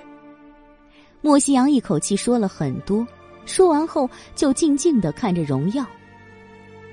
荣耀皱起眉，想了一阵，继而重重的冷哼：“哼，这么说也对。”他向来狡诈，会怎么做太符合他的个性了。说到这里，他又想到了那个从小就待他和颜悦色的林芳如，便说：“我就是不明白，他怎么跟林姨一点也不像？林姨进我们家门这么多年都恪守本分，他倒好，不但不尊重我这个大哥，反倒跟我作对。要不是看在林姨的面子上，我早将他扫地出门了。”听着荣耀这歪歪味很浓的话，莫西阳心里只觉得好笑，暗暗的笑过一阵后，他才开口：“现在骂他，他也听不见。你不如好好回去想想，怎么才能让你父亲对你重新改观。至于荣寒生嘛……”他突然停了一下，表情瞬间冷凝，眼中也缓缓的划过一丝阴霾。目前可以牵制他的最便捷的只有一种，啊，什么？荣耀来了精神，眼睛都闪闪发亮。莫西阳看着他，讥诮的说：“神。”他只说了一个字，让完全听不出头绪的荣耀直接皱了眉。人怎么样？你既然有了主意，就干脆说完，每次说一半留一半的。他的抱怨，莫西阳没说什么。只笑了笑，其实也不是什么厉害的主意。所谓打蛇打七寸，荣少现在应该知道，此时在荣寒生的心底，到底谁有这么重的分量？换句话说，谁是他荣寒生的七寸？叶朵朵。没有多想，荣耀就爆出了这一句：“这小娘们确实勾人的很。上次要不是你莫名其妙把她从我船上劫走。”说不定我就，说不定你就被她丢进海里摸鱼去了。莫西阳讥讽的将这句话接过来，荣耀想起自己当时被叶朵朵捆在床上，嘴里还塞了自己的臭袜子这样的场景，顿时对叶朵朵又恨了个咬牙切齿。怎么对付他？你说，那娘们我是不会放过她的。荣耀恨叶朵朵，恨得脸都变色了。但是，同样的事情在莫西阳看来，却增加了他对叶朵朵的兴趣。毕竟，能在那种情况下还把荣耀给绑了，嘴里塞了臭袜子，这样的女人实在太有趣儿。相比之下，荣耀就逊色多了，智商都不如一个女人，她真是悲哀。心中鄙夷了荣耀几秒，莫西阳才淡淡的说道：“简单。”其实你只要把那孩子的事情告诉你一个人，对叶朵朵来说就足以让她头疼一阵子了。谁？荣耀瞬间来了精神，莫西阳神色连起，眼中暗意叠嶂。陆景城，陆景城。荣耀重复了一句，皱眉想了半天没吭声。过了一会儿，他才突然瞪大眼睛，惊呼。那孩子不会是陆景城的吧？那谁知道呢？莫西阳无所谓的笑笑。据我所知，这位叶小姐六年前跟陆景城有过一段，后来陆景城劈腿了叶青言，那个孩子也有五六岁了，年纪上差不多，说是他就是，也容易取信于人。取信于人，取信于谁？陆景城。他们一定上过床。莫西阳没说话，只是怪异的瞅了他一眼，仿佛在说：“谈恋爱不上床，谈什么呢？”荣耀没再说下去，而是顺着莫西阳的话想了想。过了一会儿，他突然颇为兴奋的嚷嚷了一句：“没错，你这个提议好。要是我那个弟弟知道小鬼是陆景城的种，不知道会怎样。”要是他们一家三口能团聚，岂不是更好？钟寒生大概只有默默祝福的份儿了。莫西阳突然也笑了起来，他笑的并不夸张，反而是很浅淡，浅淡的让人觉得有点阴森。盯着他看了一会儿，荣耀说：“这主意好是好，不过陆景城他真的会相信吗？毕竟那孩子到底也许……”根本跟陆景城一毛钱的关系都没有，有没有关系是次要的。莫西阳果断说道。他直起了身，朝落地窗方向走了过去，走到一半才停住，回头看着荣耀说道：“陆氏如今朝不保夕，陆夫人惨死，陆景城结婚多年膝下无子，好不容易外面给他怀了一个，现在也没了。”这种情况下，还有什么比突然多了个儿子让人心动的？莫西阳说完，荣耀盯着他呆了几秒。你倒是什么都知道，这很难知道吗？莫西阳反问，唇边扬起讥讽的意味。陆家那点破事儿，这滨海城还有谁不知道？也只有你，荣大少。你若是真不知道，这消息也够闭塞的了。这番毫不遮掩的鄙视让荣耀觉得脸上尴尬。我只是不关心这些小事罢了。我每天忙那么多事情，哪还有心思去管陆家那点破事儿？莫西阳意味复杂的轻笑了一声，没再说什么。沉默了一阵，莫西阳又看了荣耀一眼。不过，你也不要把精力都放在叶朵朵那女人身上。你可以利用这个女人给荣寒生找点麻烦，但是想就这样彻底击垮荣寒生，我想大概还是做梦。他出言不善，荣耀有些不高兴，不悦的挑了一眼后，荣耀说道：“你刚才说要挽回我爸的心，你要是想到什么好办法，你就说，别在这里跟我磨这些有用没用的嘴皮子。”莫西阳的话难听，可他说的也对。叶朵朵跟荣寒生现在关系大概还没到那种生死与共的地步，在那个女人身上下太大的功夫，恐怕得不偿失。最多就像莫西阳说的，利用他给荣寒生找点麻烦还行，不能把宝全部压在他的身上。荣耀问出这话的时候，莫西阳脸上那刚刚淡去的讥讽又跳了出来，他笑笑。又无奈的摇摇头，才说道：“ 我的话已经说到这个地步了，你每天事情多，我好像也不少，实在没有多余的精力再去帮你想那些细枝末节的事情。这个你还是自己想办法吧。不是没时间，也不是没招，只是懒得帮这个蠢货出主意。”莫西阳盯着荣耀，眼底深邃。荣耀听他这话，自然不高兴。正想说什么，手机铃声又急促的响了起来。好了，我知道了，马上过去。急匆匆的挂完电话，他便沉了脸。那行吧，我现在有事先走了。你要是有时间，这件事还是帮我想想主意。你可别忘了，我要是倒台了，对你也没什么好处。一根绳子上的蚂蚱，这样就能吓唬他？莫西阳深觉好笑，却未多言。等到荣耀离开，他才转身走到落地窗前，面向外面站了一会儿。今天的天气不错，艳阳高照，银亮的光线穿过窗外不远处的常青树照进来，在原木色的地板上洒下了一片斑驳陆离的光影。莫西阳站在这片光影中，脑中交叠的转换过几个人影，最后。他的注意力停在了其中一个影子上，叶朵朵。感谢您收听都市言情小说《总裁的恶魔小七》，欢迎收听都市言情小说《总裁的恶魔小七》，作者：初寒，演播：八一六和叶儿不轻，后期制作：千雪，由喜马拉雅荣誉出品。第六十集，自从荣寒生出院之后，叶朵朵觉得整个医院都和谐了。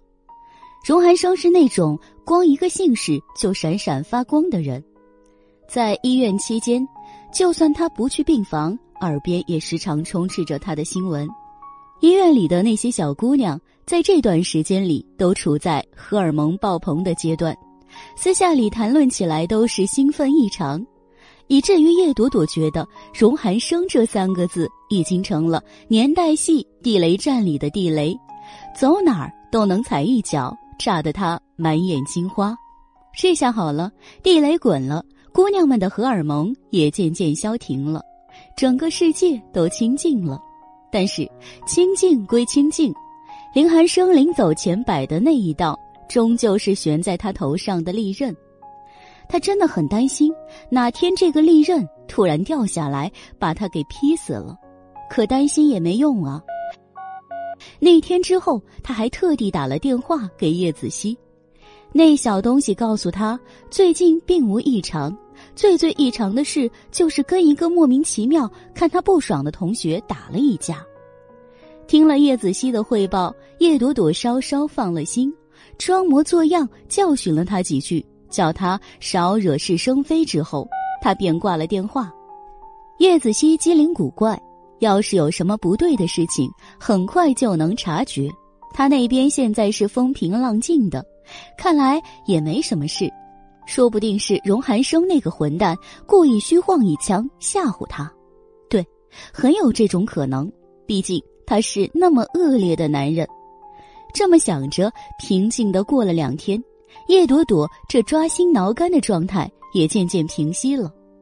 荣寒生出院后的第三天，他在忙了大半个上午，准备喝口水润润嗓子的时候，办公室里又来了一个人。叶医生，许凌寒温婉娇柔的声音，现在对叶朵朵来说就是一阵魔音，刺入耳中，就让她头皮发麻。他极为不耐烦的放下了还没送到嘴边的水杯，端正了坐姿，抬眼看着已经到他面前的许凌寒。今天的许凌寒穿着纯白的羊毛大衣，挂着玫红色的长款围巾，这样的撞色打扮让他显得莫名的扎眼。当然，这只是叶朵朵的感觉，在外人看来，许凌寒的装扮还是很清新脱俗的。许小姐有事，我这里可没有牛奶了。叶朵朵冷俏的扫了自己的台面一眼，看到刚刚放下的那只水杯，她又将水杯往桌沿边推了推。牛奶没有，水有一杯。许小姐用得着吗？许凌寒当然知道叶朵朵在讥讽他，但这一次他没有生气，反倒冲他温柔的笑了笑。叶医生，不要误会。这些事都过去了，我们不要再提了，行吗？过去了，你过去了，姐姐我还没过去呢。叶朵朵冷笑，撇了撇唇。那好吧，你说过去了就过去了。那么，今天你来找我又是为了什么事？叶朵朵反正是认定了这位部长千金上门肯定是没什么好事。所以，他自始至终对着许凌寒都是一副警惕的表情。没想到的是，许凌寒说的却是这样的话：“我没什么事，就是刚好路过这里，想起来你还有个东西在我这里，就过来一趟，把这个给你。”闻言，叶朵朵愣了一下，没说话，目光顺着许凌寒那几根葱指看过去。就见他从那只精巧的小手提包里挑出了一件东西，是那条蓝宝石项链，先前荣寒生在拍卖会上拍下来送给他的。后来有一次在荣寒生那里过了一夜之后，就此消失了。他对这条项链也不是那么上心，就没有多想。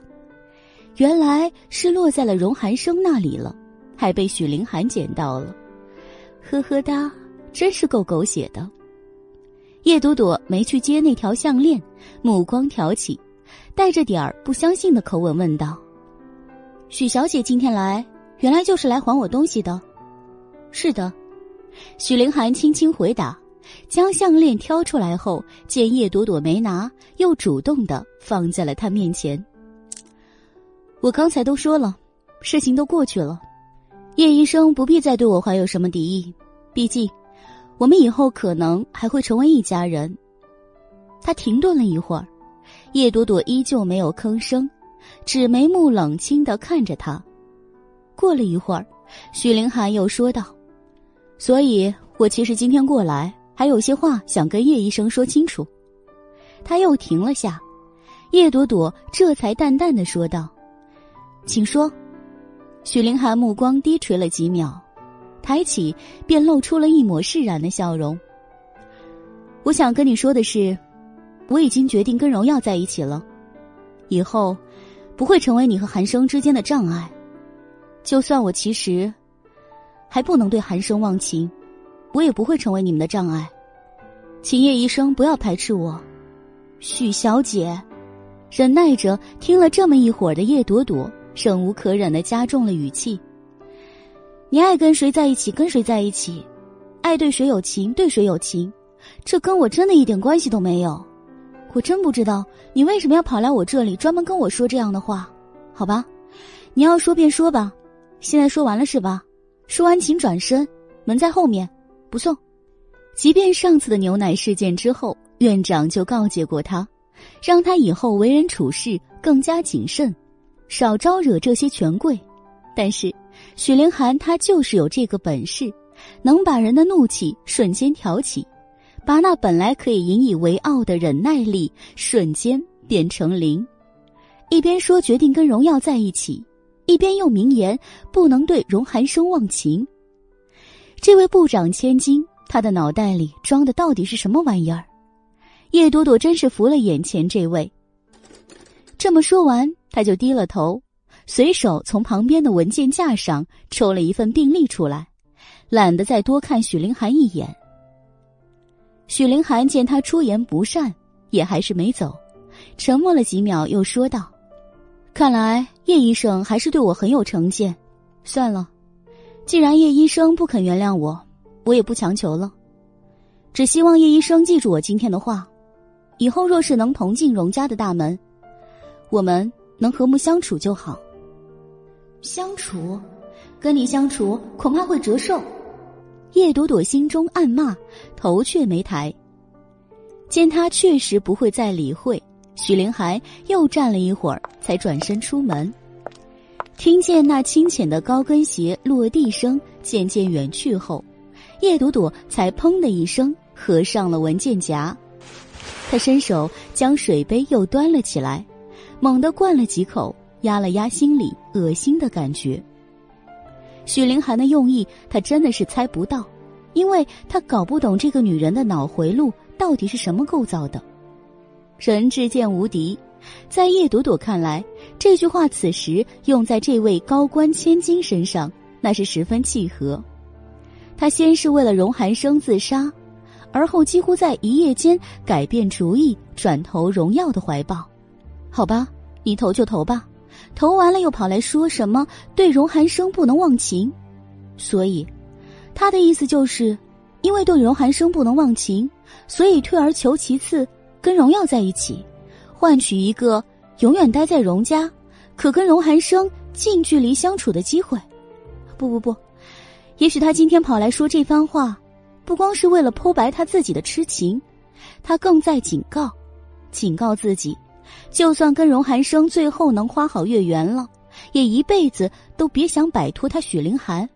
他会像一个鬼影一样，顶着个大嫂的合法身份，永远的游移在自己和荣寒生之间。这对于一对相爱的人，对于一对正常的夫妻来说，那真是太可怕了。那么坚贞的爱情，在这个鬼影的掺和之下，最终都会分崩离析的。所以。许凌寒这个女人，好可怕。叶朵朵不由自主的打了个寒噤，目光扫到桌上那根项链，叶朵朵将它捏了起来。蓝宝石的镜面折射着幽蓝的冷光，放在手心能感觉到微微的凉意。看了几秒，他便掌心一握，转身从身后拖出自己的包，将项链扔进了包里。这一整天，因为许凌寒的来访，叶朵朵的精神都有一些不好。人是最情绪化的，有时候一件事就能影响一整天。今天他就被许凌寒给影响了，这整整一天他都是无精打采的。忙完了白天，晚上下班的时候，临时又来了个危重病人，病人家属也不知道打哪儿听到他的名号。指明让他参与抢救。医院的本质是救死扶伤，病人来了，自己的情绪就得收敛起来，所以无奈的他连吃饭都没时间，就又钻进了手术室。一场手术三个多小时下来，精神和体力双重不佳的叶朵朵差点就累瘫了。忙忙碌碌的，等他都收拾好可以下班的时候，已经快十点了。就在他犹豫着今晚是回家还是干脆在医院宿舍过一夜的时候，手机又响了。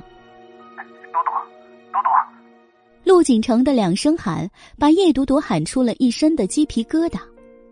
听见陆景城的声音，他本来想直接挂了电话，但是电话那边隐隐传来的救护车鸣笛声又让他愣了一下。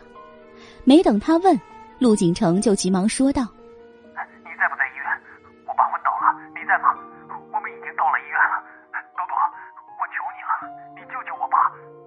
陆景城的父亲又出事了。天啊，这一天可真够热闹的。我已经下班了，你去找急诊医生。叶朵朵说完就挂了。他又不是救世主，天底下的病人都归他管，而且他也实在不想掺和陆家的事情。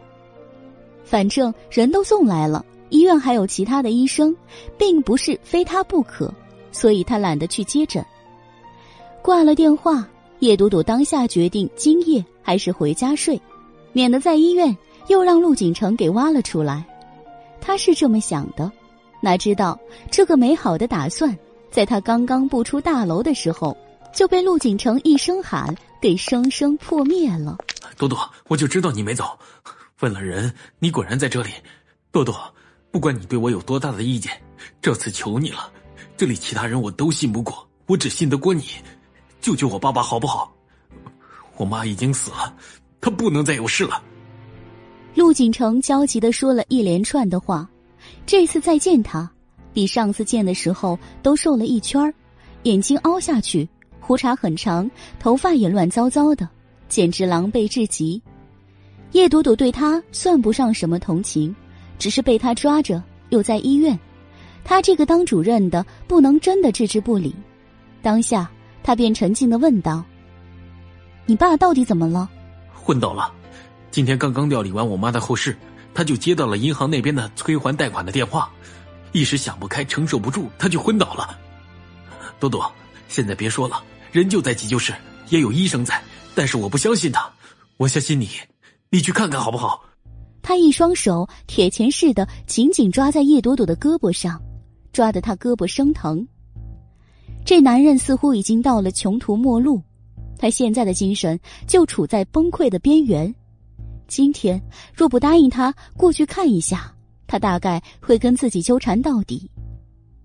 想到这里，叶朵朵皱了皱眉，瞥了抓在自己左胳膊上的那只手，说道：“好吧，我去，你放开我。”一听叶朵朵答应，陆景成立即面露喜色，随即放开了他。两人一起到了门诊大楼，到了急救室后，叶朵朵自己进去了，让陆景成在外面等。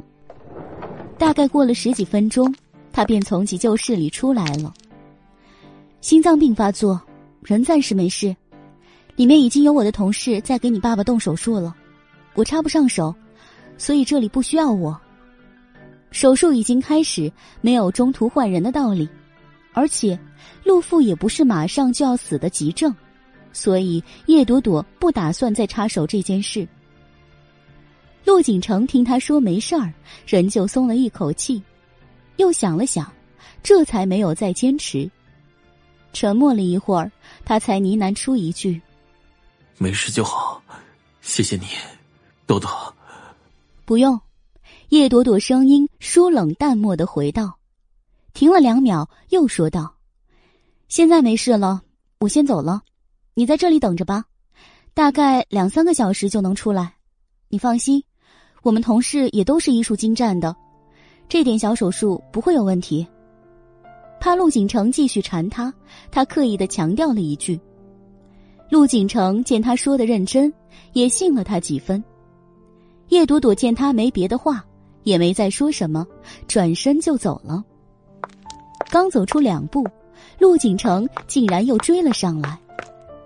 朵朵，你能不能留下来陪我一会儿？去路被他拦住。叶朵朵瞬间皱起了眉，我都说过你父亲不会有事的，还要我留下来干什么？陪他？他凭什么陪他？真是可笑！叶朵朵心里厌恶，表情不善，满满都是不耐烦的感觉。但是陆景城就好像没看到他的厌恶似的，他只用焦灼的目光紧紧的盯着叶朵朵。朵朵，这段时间我家发生了太多的事情。我，我想和你聊聊，聊聊，拿她当知心大姐姐，寻求安慰来的。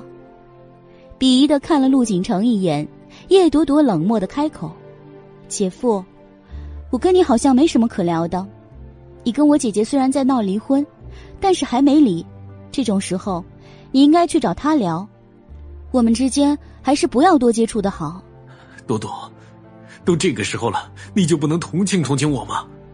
陆景成急了，冲口而出了一句带了指责意味的话。叶朵朵无语，扭头看了看旁边，才冷淡的回道：“对不起，我不是什么心理医生，不会对需要同情的人进行心理干预。你要是有这方面的需求，我可以帮你介绍专家。”你，陆景城有些生气，忍了两秒，又将那怒气忍了下去。好，朵朵，我知道我错了。六年前我错的可怕，我现在也不奢求你的原谅。不奢求你的同情，那么，哪怕只是认识的人，陪我说说话这点要求，你都不能满足吗？朵朵，你为何这么绝情？我绝情。叶朵朵怒气爆棚，转念一想，又不想跟他纠缠，便强迫自己把怒气压了下去。好，我是绝情，那又能怎么样呢？陆景成，我跟你说了那么多遍，你为什么就不明白呢？以前的事情已经过去了，你瞎了眼，我也瞎了眼。我现在过得很好，也麻烦你记清自己的身份，别总来跟我套近乎，这真的不合适，姐夫。他又重重的提了一句“姐夫”，陆景城似乎对这两个字异常的反感，听他三番两次的提，终于忍不住爆发了：“你不要这样叫我，我不是你的姐夫，我也不想做你的姐夫。”朵朵，打住！叶朵朵伸手做了个 stop 的动作。你千万别再往下说下去了，陆景成，算我求你了，行吗？麻烦你以后别再来找我了。说真的，你要是有这个时间，还不如去想想你自己的事情。叶朵朵本是话赶话赶到了这一句上，说完之后，他又突然想到那日在监控中听到的消息。暮色一转，没等陆景成再说话，他又便跟了一句：“我知道陆氏现在情况很不好，这个时候你应该多想想公司和你们自家的事情，别把注意力都放在不必要的人身上。到时候公司垮了，家也被人搬空了，那才真是哭都没地方哭。”这句话要是没有那句“家也被搬空了”，听着倒也没什么，但是就这一句。叫人一听就是意有所指。陆景成今天情绪状态不对劲儿，乍一听，起初还没听太明白，愣怔了一下。你是什么意思？叶朵朵想了想，回道：“我没什么意思，有些话我只能说到这里了，自己长点心，我走了。”这下他真的走了，因为还在发呆。陆景城。也没有追他。感谢您收听都市言情小说《总裁的恶魔小七》，